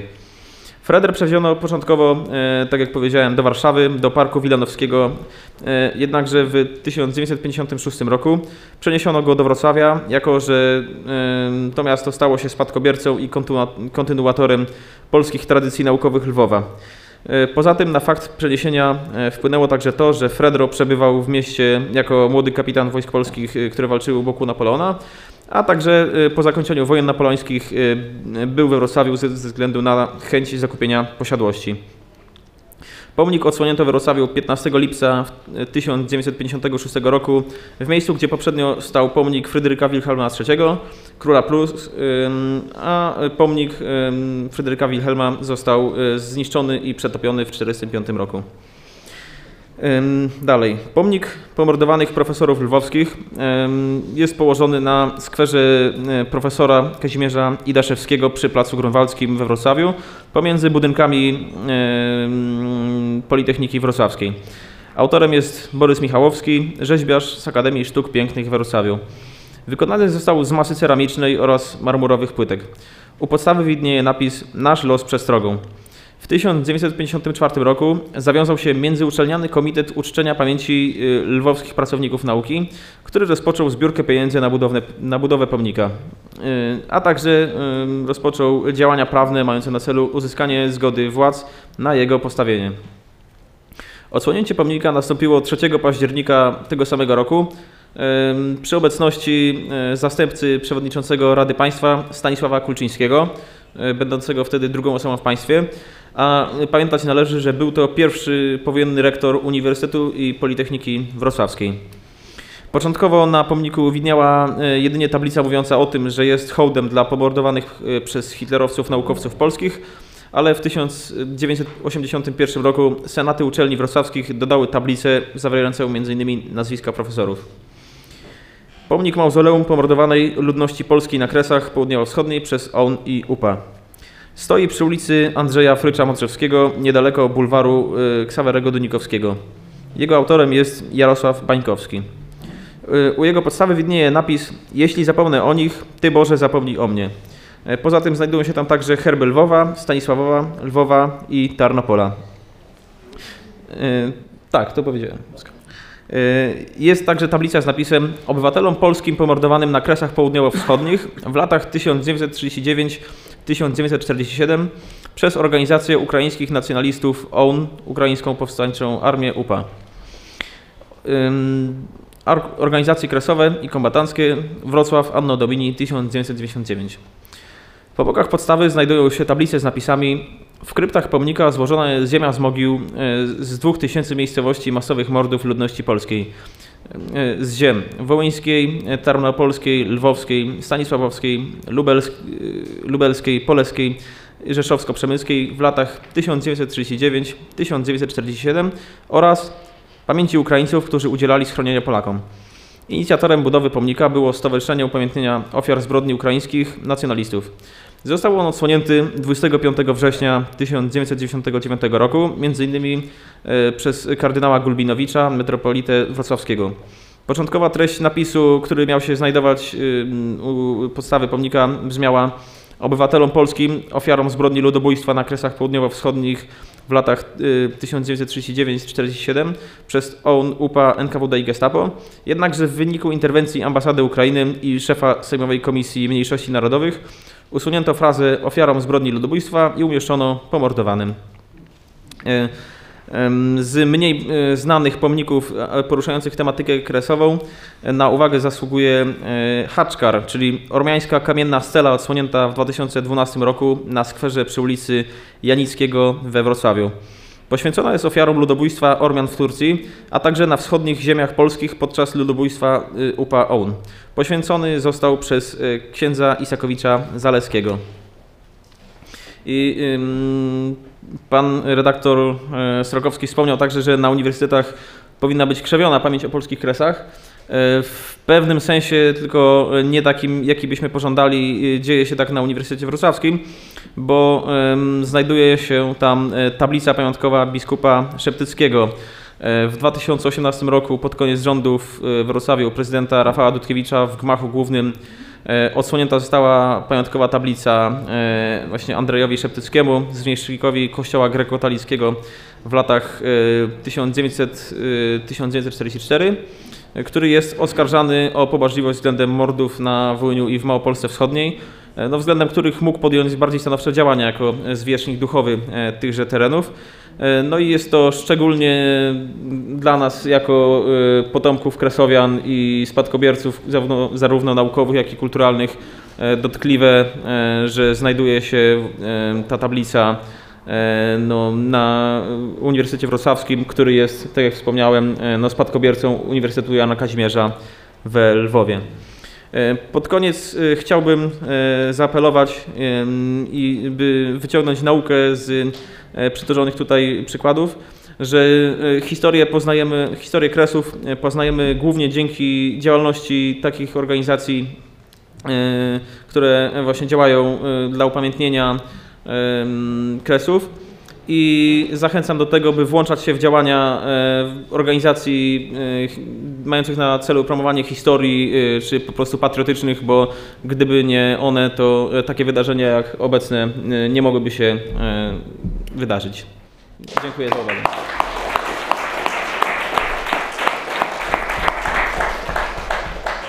Dziękuję pięknie.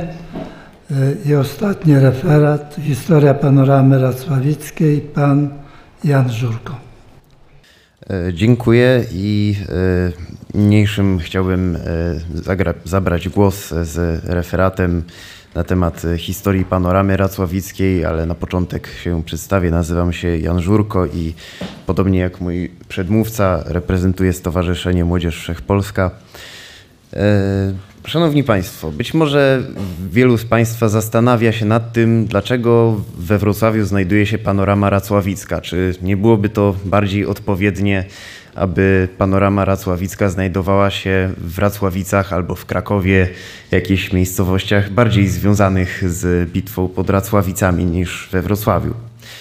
E, panorama racławicka to także jest dziedzictwo Kresów, przede wszystkim Lwowa, ponieważ e, to na zlecenie Rady Miasta Lwowa powstał ten obraz namalowany przez e, Jana Stykę i Wojciecha Kossaka w 1893 roku.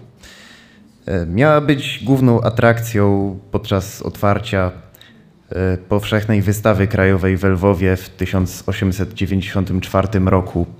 E, dlatego, że była to też setna rocznica bitwy pod Racławicami, dlatego też właśnie taką tematykę przyjął obraz. Pomysłodawcą i kierownikiem projektu był Jan Styka, natomiast większość malunków, większą, większą część e, poszczególnych elementów tego obrazu namalował Wojciech Kossak. E, to się szacuje, że to jest około stosunek 70% e, Wojciecha Kossaka, a około 30% Jana Styki oraz pewne detale, które namalowali także inni artyści, których także chciałbym niniejszym wyróżnić. Ludwik Boller, Tadeusz Popiel, Zygmunt Rozwadowski, Teodor Aksentowicz, Michał Sozański, Włodzimierz Tetmajer oraz e, Wincenty Wodzinowski.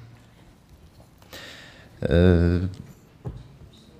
początek, w początkach kwietnia 1893 roku e, malarze Jan Styka, Ludwik Boller i Wojciech Kossak pojechali najpierw na na miejsce bitwy pod Racławicami, do samych Racławic, żeby poznać topografię terenu i dokonać próby rekonstrukcji rozmieszczenia wojsk e, i przebiegu bitwy.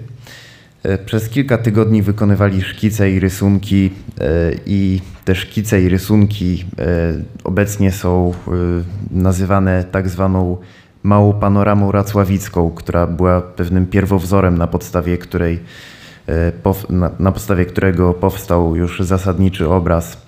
E, mała panorama racławicka składała się z e, czterech części. Artyści także zbierali materiały ikonograficzne niezbędne do powstania dzieła i rozpoczęli studia na podstawie zbiorów muzealnych, które dotyczyły umundurowania i uzbrojenia obu wojsk. W tamtym czasie jednak zarówno wojska rosyjskie, jak i wojska polskie miały pewne nietypowe, charakterystyczne elementy mundurowania, które należało też w tym obrazie zawrzeć. Sporo takich materiałów znaleziono w wiedeńskim Ministerstwie Wojny, gdzie znaleźli XVIII-wieczny plan bitwy, a także rekonstrukcję mundurów i uzbrojenia na zachowanych egzemplarzach z polskich muzeów i zbiorów prywatnych. Szkice tych mundurów i uzbrojenia konsultowali także z historykami Tadeuszem Korzonem oraz Konstantym Górskim. Samego obrazu Państwu nie będę opisywał, byłoby to zupełnie niecelowe. Zamiast tutaj mi trężyć Państwa czas, zaproponuję, aby Państwo się do panoramy racławickiej osobiście udali. Tak.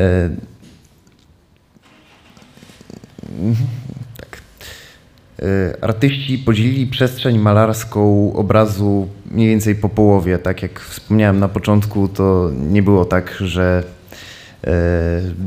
ten obraz został w połowie namalowany przez Jana Styka, w połowie przez Wojciecha Kossaka, jednak tę większą część namalował Wojciech Kossak, ale pierwotnie miał być ten obraz podzielony po połowie. Granica tego podziału przebiegała prawdopodobnie na scenie zdobywania rosyjskich armat przez kosynierów. Tą część, gdzie byli kosynierzy, malował Jan Styka, natomiast żołnierzy rosyjskich malował Wojciech Kossak.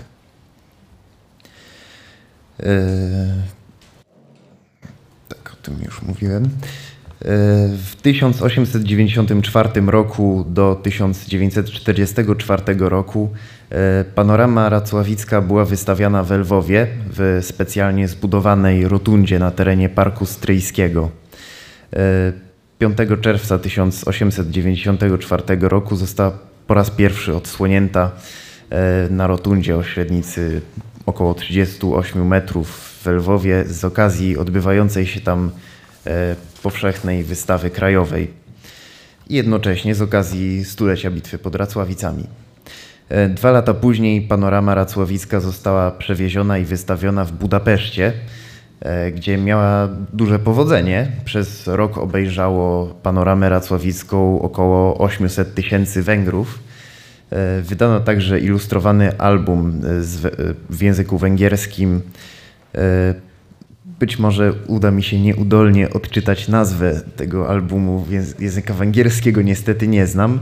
Lędziel Korkep, Kościuszko Tadeusz, Gielzeme As Oroszok, Fylut Raczla Wiczanal 1794.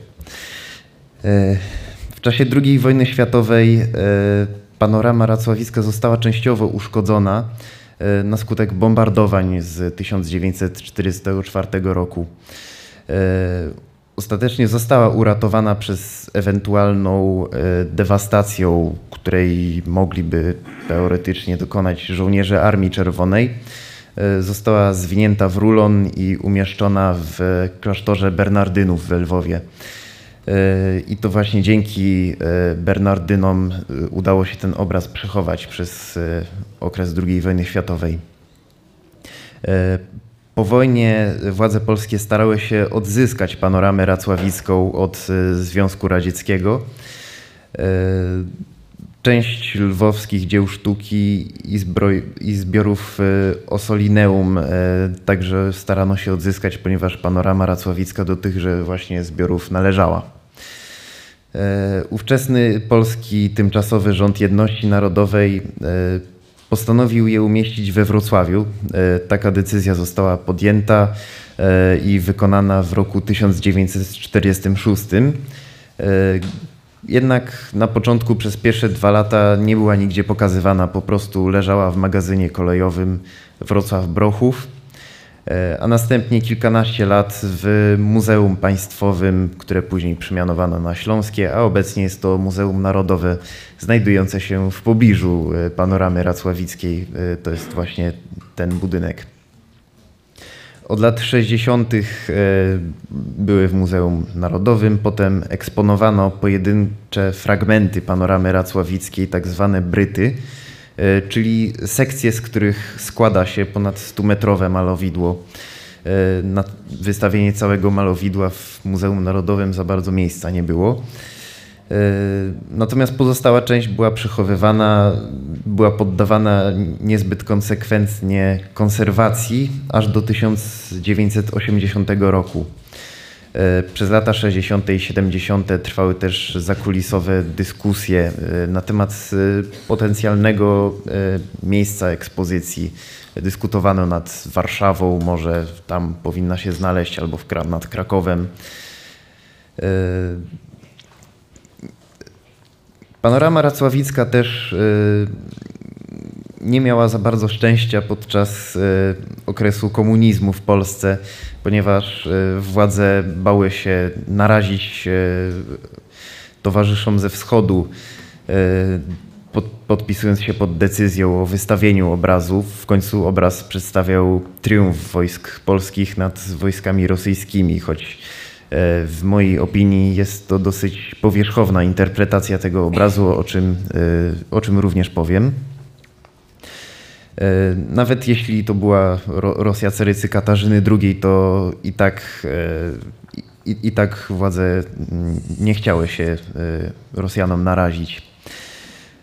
Najpierw rozpisano konkurs architektoniczny na pawilon, w którym mogłaby zostać panorama racławicka wystawiona. W 1956 roku to już był drugi, ten kon, drugi konkurs. E, Ostatecznie zwyciężyło małżeństwo Ewy i Marka Dziekońskich, e, którzy rok później przystąpili do e, budowy pawilonu.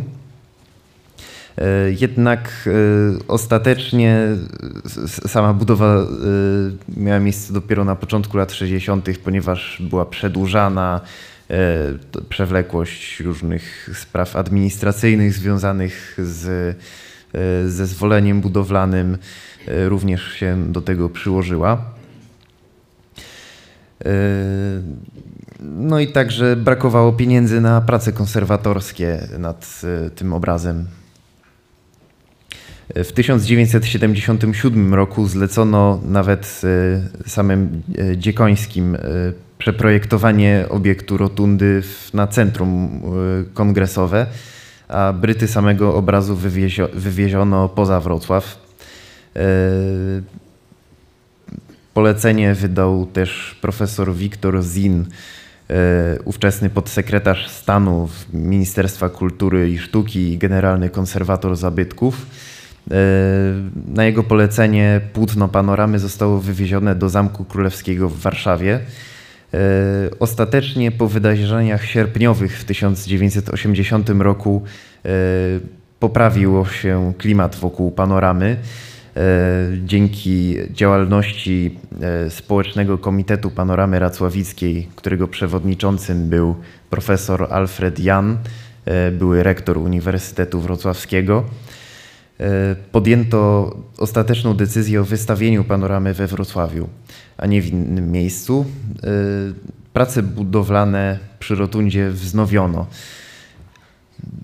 Wobec katastrofalnego stanu gospodarki e, Polski Ludowej, a także z powodu e, trudnego zadania, jakim było odrestaurowanie płótna, e, po kilkudziesięciu latach przechowywania go w różnych miejscach, w różnych warunkach, e, czasami nawet atmosferycznych, e, oraz wielu transportach. e, Pracę prowadziło 25 konserwatorów. E, Te prace trwały jeszcze pół dekady i ostatecznie ekspozycja została otwarta 14 czerwca 1985 roku. Obecnie mamy to szczęście, że panorama racławicka jest stale otwarta. E, Było to początkowo nawet 7 dni w tygodniu, obecnie jest to 6. I od, tylko od czasu do czasu jest e, zamykana w celu przeprowadzania prac konserwacyjnych, które są niezbędne przy takich e, dziełach sztuki. E, Cieszy się też ogromnym powodzeniem wśród zwiedzających. E, Podam Państwu statystyki, e, w, ilu zwiedzających odwiedziło panoramę racławicką w poszczególnych latach. W tysiąc, e, do sierpnia 1987 roku e, odwiedziło panoramę racławicką milion zwiedzających. Do lipca 1998 roku było to już 5 milionów, a do września 2004 roku 6 milionów. E, też panorama racławicka być może miała szczęście. E, nie wiadomo, czy było to e, działanie zamierzone, czy projektanci rotundy rzeczywiście brali pod uwagę naszą wrocławską specyfikę, że od czasu do czasu mamy powódź, ale rotunda znajdowała się te kilka metrów nad ziemią. Dzięki temu obraz w 1997 roku w lipcu podczas wielkiej powodzi e, nie został w żaden sposób uszkodzony. E, I to, co chciałbym przede wszystkim, aby Państwo zapamiętali z tego referatu, to to, że e, przesłanie Jana Styki i Wojciecha Kossaka, o którym sami autorzy też mówili, nie jest przesłaniem antyrosyjskim. Przede wszystkim e, nawet e, rosyjski konsul w momencie, kiedy e, dowiedział się i obejrzał po raz pierwszy ten obraz, powiedział: Dzieło to nie obraża bynajmniej uczuć rosyjskich. Przede wszystkim przesłaniem panoramy racławickiej, o którym mówił Jan Styka, jest to, że w bitwie pod Racławicami brali udział e, wszyscy Polacy, brali udział e, osoby ze wszystkich stanów, od szlachty po chłopów, od cywilów po wojskowych, ludzie w różnym wieku. Ten obraz, bitwa pod Racławicami, jest symbolem naszej jedności, e, jedności całego narodu, i przede wszystkim e, chciałbym, aby Państwo e, poczuli się zainspirowani tym obrazem, przede wszystkim e, wzywającym nas, Polaków, naród niezwykle podzielony, do jedności. I za to chciałbym podziękować Państwu za wysłuchanie tego referatu, a także wielkim mistrzom Janowi Styce i Wojciechowi Kossakowi za to, że ten obraz mamy przyjemność oglądać. Dziękuję.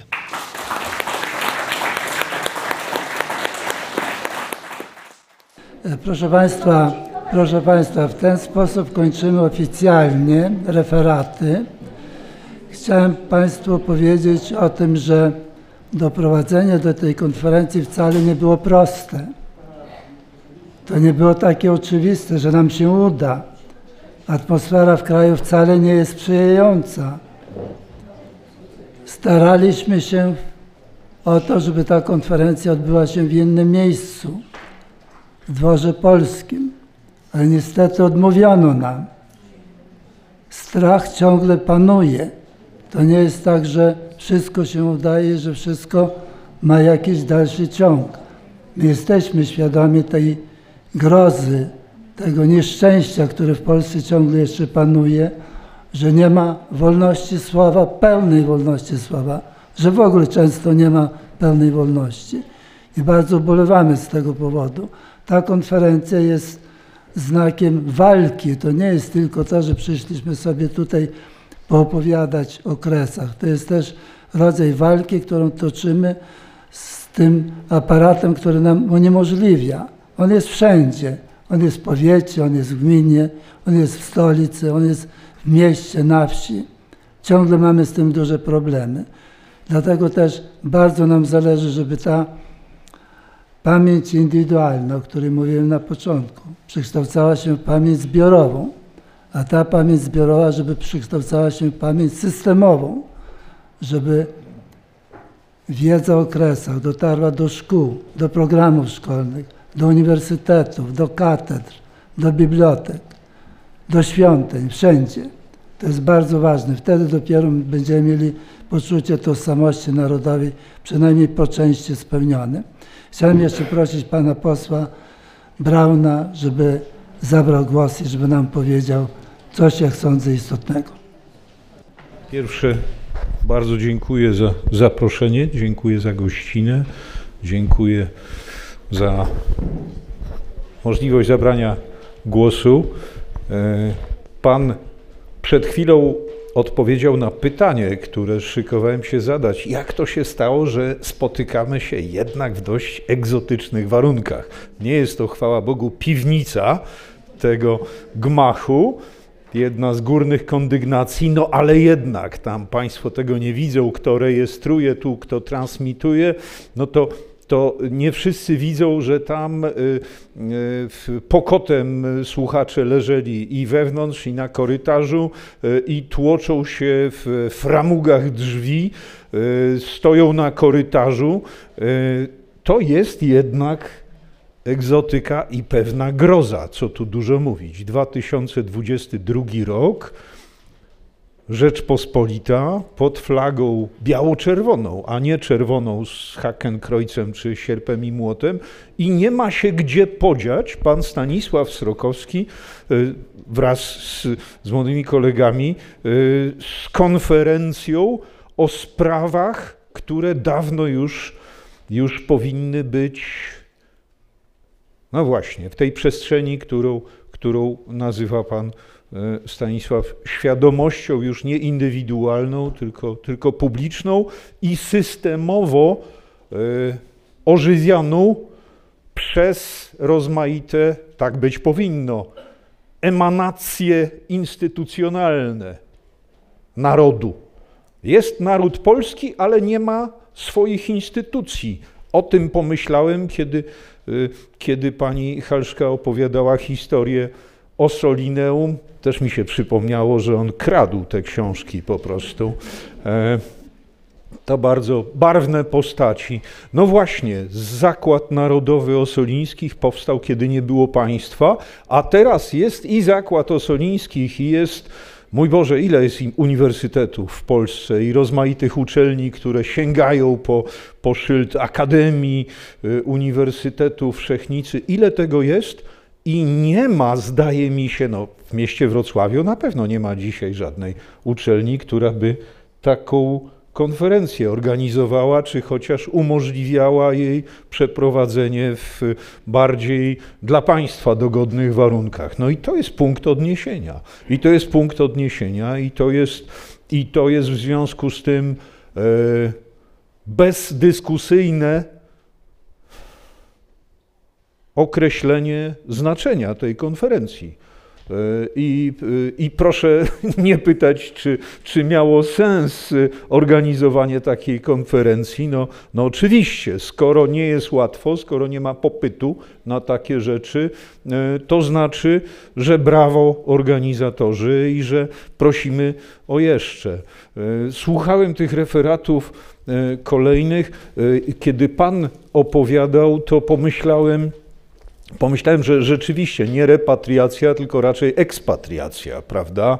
Raczej ekspatriacja. W tej świadomości naszej narodowej to już w ogóle nie gości słowo wypędzenie, prawda? Niemcy używają tego słowa. Myślę, że myślę, że to jest dobry termin wypędzenie.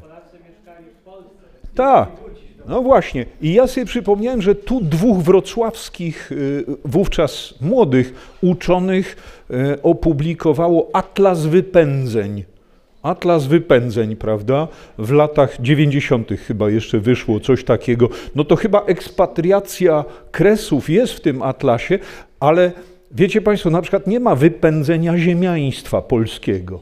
Nie ma wypędzenia polskiego fabrykanta, sklepikarza, młynarza, piekarza. Nie ma tych wszystkich rzeczy. A oni też wszyscy zostali wypędzeni, wszyscy zostali obrabowani, rodziny zostały, y, zostały strącone w niebyt, generalnie z, takim, z taką intencją, z takim zamiarem, żeby, żeby zniknęli Polacy, których stać na to, żeby mieć w ogóle jakiś poziom samoświadomości. E, tak, Więc ekspatriacja z tymi Racławicami, to e, wie pan, ja się e, na, na własny użytek z tych Racławic tam, no nie powiem, że doktoryzowałem, ale coś kiedyś grzebałem koło tych Racławic, to mi się przypomniało, no najpierw mi się przypomniało, że mój tata Kazimierz Braun obecnie i od dłuższego czasu z drugiej strony Globusza, to on był w tym komitecie społecznym w 80 pierwszym roku. Bardzo jestem z tego dumny. E, e, oczywiście e, nastraja mnie pan polemicznie o samych Racławicach mówiąc, bo mi się przypomniało, że e, kto to? Adolf, Adolf Bocheński pisał, że za jego młodych lat żyli jeszcze tacy ludzie, którzy opowiadali z własnych wspomnień rodzinnych tam po wsiach około Racławickich, ile to Bartosz Głowacki z kolegami Y, y, musieli wcześniej skonsumować wody ognistej, żeby tak y, ruszyć na te, na te moskiewskie armaty. No ale to w wojsku wtedy to było, że tak powiem, przyjęte. To, to był element nawet know-how, tak, dowodzenia. No i, i kiedy pan tutaj wyliczał te, te miejsca pamięci, ośrodki pamięci, czyli ośrodki wydawnicze, redakcje, a, a z drugiej strony te tablice, pomniki, pomniczki, no to, to, szanowni Państwo, nie było tego wiele. Nie było tego wiele. Jak na miasto tak przepotężne jak Wrocław i na Rzeczpospolitą, w której z każdym, z każdym wydaniem wiadomości telewizyjnych ludziom żyje się lepiej, dostatniej i weselej, to nie jest tego wiele. Ja wczoraj, wczoraj o tej porze, o tej porze to już byłem w Rzeszowie na rynku, gdzie się gromadzili polscy patrioci e, po to, żeby potem przemaszerować, tak jak i my, jak rozumiem, przemaszerujemy za chwilę w takim żałobnym marszu. E, e, ale parę godzin wcześniej byłem w Domostawie, w gminie Jarocin. Ten Jarocin podkarpacki, a nie, nie wielkopolski. E, notabene z Wielkopolski też bardzo dużo ludzi tu przyjechało, prawda? To jest to, że to Lwów się przeprowadził do Wrocławia, to tak troszkę sobie pochlebiamy. Chcielibyśmy mieć ten lwowski rodowód wszyscy. Notabene Braunowie mają. Moja siostra znalazła stolarza jednego Józefa w XVIII wieku we Lwowie, więc ja jakoś tam mogę, prawda, się podpiąć. E, ale w Domostawie, w, w Jarocinie, w gminie Jarocin podkarpacki e, wczoraj ważne wydarzenie, wmurowanie kamienia węgielnego, poświęcenie tego kamienia i, e, i e, włożenie tam tuby z aktem erekcyjnym pomnika. No i taka ambiwalencja znowu w tym, w tym akcie, w tym fakcie, że owszem, mnóstwo przyjechało rodaków i pięknie, i z różnych stron, i, i, i, i szumnie, i mundurowo, i z chorągwiami, i, i, i ze szczerymi uczuciami, no ale pomnik nie stanął pomnik nie stanął, tak? I znak zapytania, zamiast się rozwiewać, to ciągle rośnie, szanowni państwo. No już wiadomo, że ktoś tam majstruje przy tym pomniku, już wiadomo, że, że artysta na tamtym świecie świętej pamięci Andrzej Pityński, mistrz y, tej formy artystycznej, że no najwyraźniej trzeba go poprawić, bo, bo coś źle wymyślił, prawda? Coś źle wymyślił. Państwo oglądaliście ten projekt, widzę, że on tutaj jest też e, jest popularyzowany ten projekt. No, szanowni Państwo, y, no tak, no to jest, to jest obraz horroru. To jakże horror przedstawić w sposób miły, oględny i, i przyjemny dla oka? Jak mówić o horrorze tak, żeby, żeby owinąć to w jakąś bawełnę propagandową? Nie da się. Nie da się. E, no i, i myślę, że to jest rzeczywiście taka ostateczna próba w tej, w tej kwestii, która zdaje mi się kwestią ogniskującą kondycję polskiego patriotyzmu, polskiego państwa, narodu. Tak się porobiło, tak, panie Stanisławie, rzeczywiście do tego doszło, że wszystko już wolno, ale o tym nie, ale o tym sza. O wszystkim możemy sobie opowiadać, oczywiście też różnie. No, tutaj ksiądz Jerzy Popiełuszko, y, szanowni państwo, śledztwo ciągle niezakończone, nie wiem czy zauważyliście. Śledztwo niezakończone i, i, i konkluzji nie ma. Najjaśniejsza Rzeczpospolita już nie ma Moskali, Prusaków, Austriaków, nie, nie ma okupacji niemieckiej i sowieckiej, a śledztwa nie mogą się zakończyć. Dokumenty rozmaite, prawda, aneksy do raportów, nieciekawe, więc nie publikujemy. Pamiętacie Państwo, nieciekawe, tak to powiedzieli publicznie. To nie jest żadna teoria spiskowa, tylko praktyka. No i ten Wołyń, którym tak określamy tą nazwą geograficzną, określamy oczywiście zjawisko w czasie i przestrzeni znacznie szersze. W niektórych okolicach to się przecież przeciągnęło do dekady. To nie był ani tylko 11 lipca, ani tylko rok 43, ale była dekada grozy, strachu. No i my, i my mamy o tym sobie opowiadać w sposób oględny, mamy dbać o uczucia czyje na litość boską w tej sprawie. Dbajmy troszkę o swoje uczucia, szanowni państwo, bo człowiek, który nie odżałował, człowiek, który nie przeszedł żałoby porządnie po polsku, najlepiej po katolicku, w sensie bez popadania w rozpacz, tak? tylko z, z nadzieją na życie wieczne tak? i z nadzieją na, na poprawę dla, dla, dla nawet i oprawców. Ale człowiek, który nie przeszedł żałoby, będzie chory do końca życia. Może to tłumić, może to jakoś właśnie sam otorbić i, i udawać, robić dobrą minę do, do złej gry, ale taki człowiek będzie chory, więc, więc oświadczam Państwu, naród, który nie przeszedł żałoby w tych wszystkich rozlicznych sprawach, ale ta okazuje się dziś centralną, ten naród nie będzie zdrowy, a kto nie jest zdrowy, nie może być silny, mądry, piękny i nie może kreślić wielkiej przyszłości dla swoich dzieci.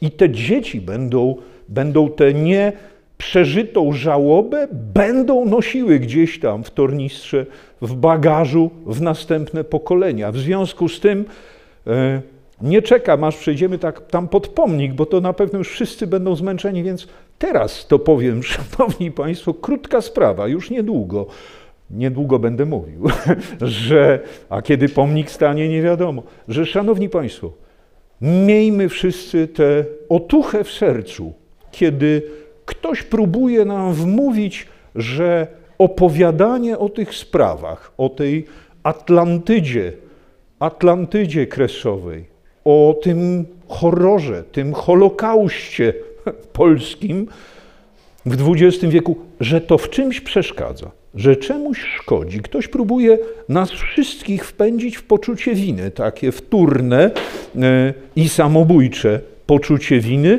że no tu widzicie wielkie sprawy, wspaniałe perspektywy się otwierają, a wy tutaj coś szumicie, coś, coś przypominacie o nieprzyjemnych sprawach, czy nie lepiej, konstruktywnie. No wybierzmy przyszłość. Pamiętacie Państwo, w 90 latach takie było hasło przez niektórych popularyzowane, podchwytywane. Inni na to hasło wybierzmy przyszłość Przypominam sobie, Michnik z Cimoszewiczem dali taki artykuł programowy w, w gazecie e, wyborczej o tym, że trzeba ustalić taki kompromis historyczny trzeba zawrzeć.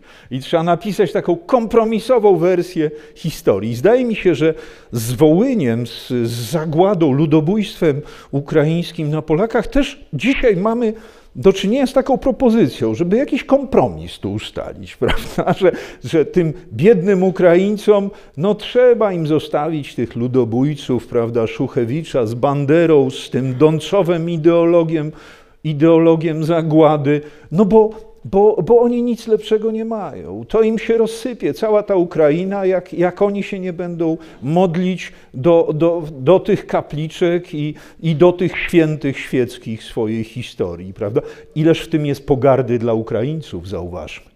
Ileż w tym jest pogardy dla samych Ukraińców, utrzymywać, że no to jest jakiś gorszy sort człowieka, że on nigdy nie dorośnie. Zawsze będzie przerośniętym, niegrzecznym i agresywnym dzieckiem, wokół którego trzeba chodzić na palcach, bo się zgniewa i, i coś stłucze albo kogoś jeszcze zbije, prawda?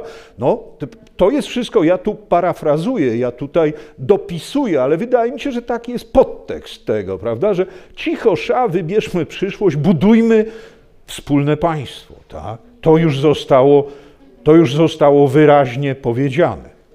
No i szanowni państwo, my nie możemy na to pozwolić ani indywidualnie, ani zbiorowo, gdyż sprawa pamięci tego ludobójstwa nie jest kwestią sentymentów czy resentymentów. My jesteśmy cali w emocjach i to jest też niezwykłe świadectwo naszej nędzy i upadku, że po tylu dziesiątkach lat ciągle jesteśmy w emocjach i się trzęsiemy, że w ogóle taka konferencja się odbywa.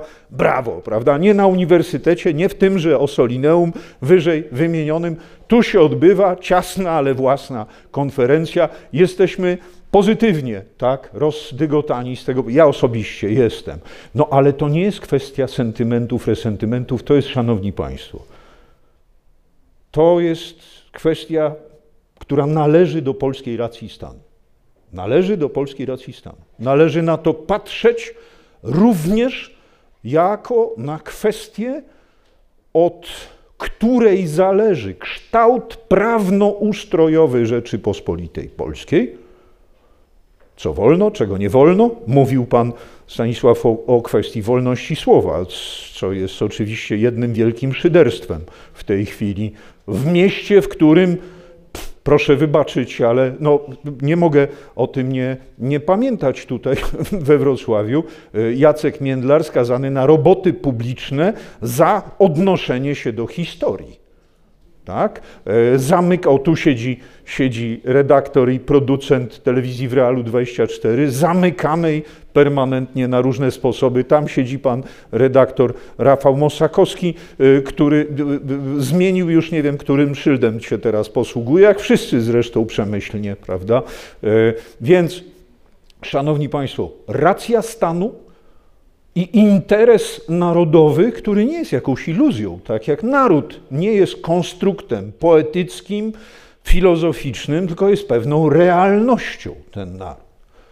I dlatego, i dlatego, najlepiej życząc samym Ukraińcom, my musimy także i dla nich upominać się o tę prawdę, bo nie możemy się zgodzić na to, żeby ludzi dzielono na jakieś lepsze i gorsze sorty i żeby niektórych dożywotnio i do końca świata spychać w odmęty barbarzyństwa, przyzwalając na to, żeby się integrowali wokół krwawego, dzikiego, plemiennego kultu, który nasza cywilizacja odrzuca, wyklucza taki kult. Bardzo jestem rad, że Państwo zorganizowaliście to wydarzenie.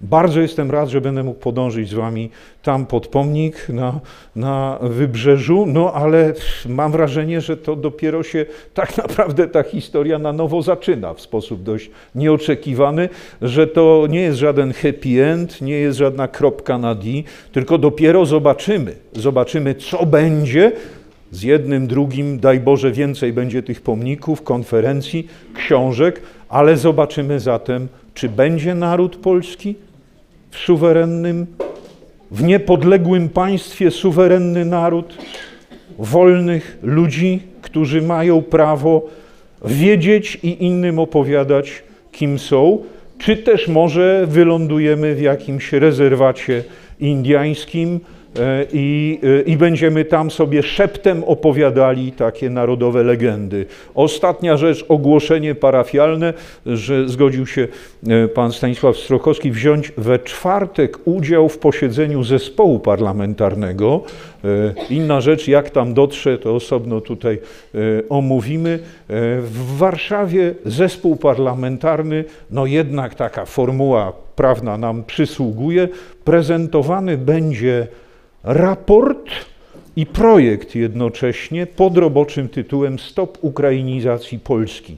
Jest to poważny kawał roboty analitycznej, zawierający część diagnostyczną, stan nasz aktualny i zawierający y, bardzo konkretne propozycje programowe, także ustawowe, treści zarządzeń i ustaw. Sprawy są bardzo pilne, dlatego że za parę miesięcy, już tej jesieni, zimy, zaczną zapadać rozmaite klamki. Zrodzi się pewien automatyzm prawny, zacznie niektórym gościom przysługiwać prawo, nazwijmy to, permanentnych domowników. No i w takich okolicznościach zorganizowanie takiej konferencji czy takiego marszu, w jakim za chwilę przejdziemy, może okazać się jeszcze bardziej problematyczne. Zapraszam zatem do śledzenia tej transmisji 14 lipca we czwartek Stop Ukrainizacji Polski. Dziękuję bardzo, dziękuję bardzo. Pani Halszka jeszcze. Chciałam tylko przekazać, że po konferencji wyruszy Marsz Pamięci e, w stronę podpomnik e, ofiar UPA. E, I tak, kwiatki można wziąć. Tutaj nasze drogie panie przez miesiąc przygotowywały ręcznie te kwiatki. Kwiatki złożymy położymy pod pomnikiem. Naklejki, kwiat lnu, symbol przerwanego życia, przerwanego życia tysięcy ofiar ludobójstwa na Kresach również są rozdawane. Prosimy przylepić, iść w marszu właśnie z tymi kwiatkami, z tym pięknym symbolem. Koledzy ze stowarzyszenia zbierają podpisy pod inicjatywą Wołyń na Powązki, aby upamiętnić ofiary ludobójstwa nie gdzieś na jakichś małych skwerkach, gdzieś gdzie nie widać tego, tylko właśnie na Powązkach. Bardzo Państwu dziękuję. Ja się żegnam, ale tutaj jeszcze Pan Stanisław dalej poprowadzi.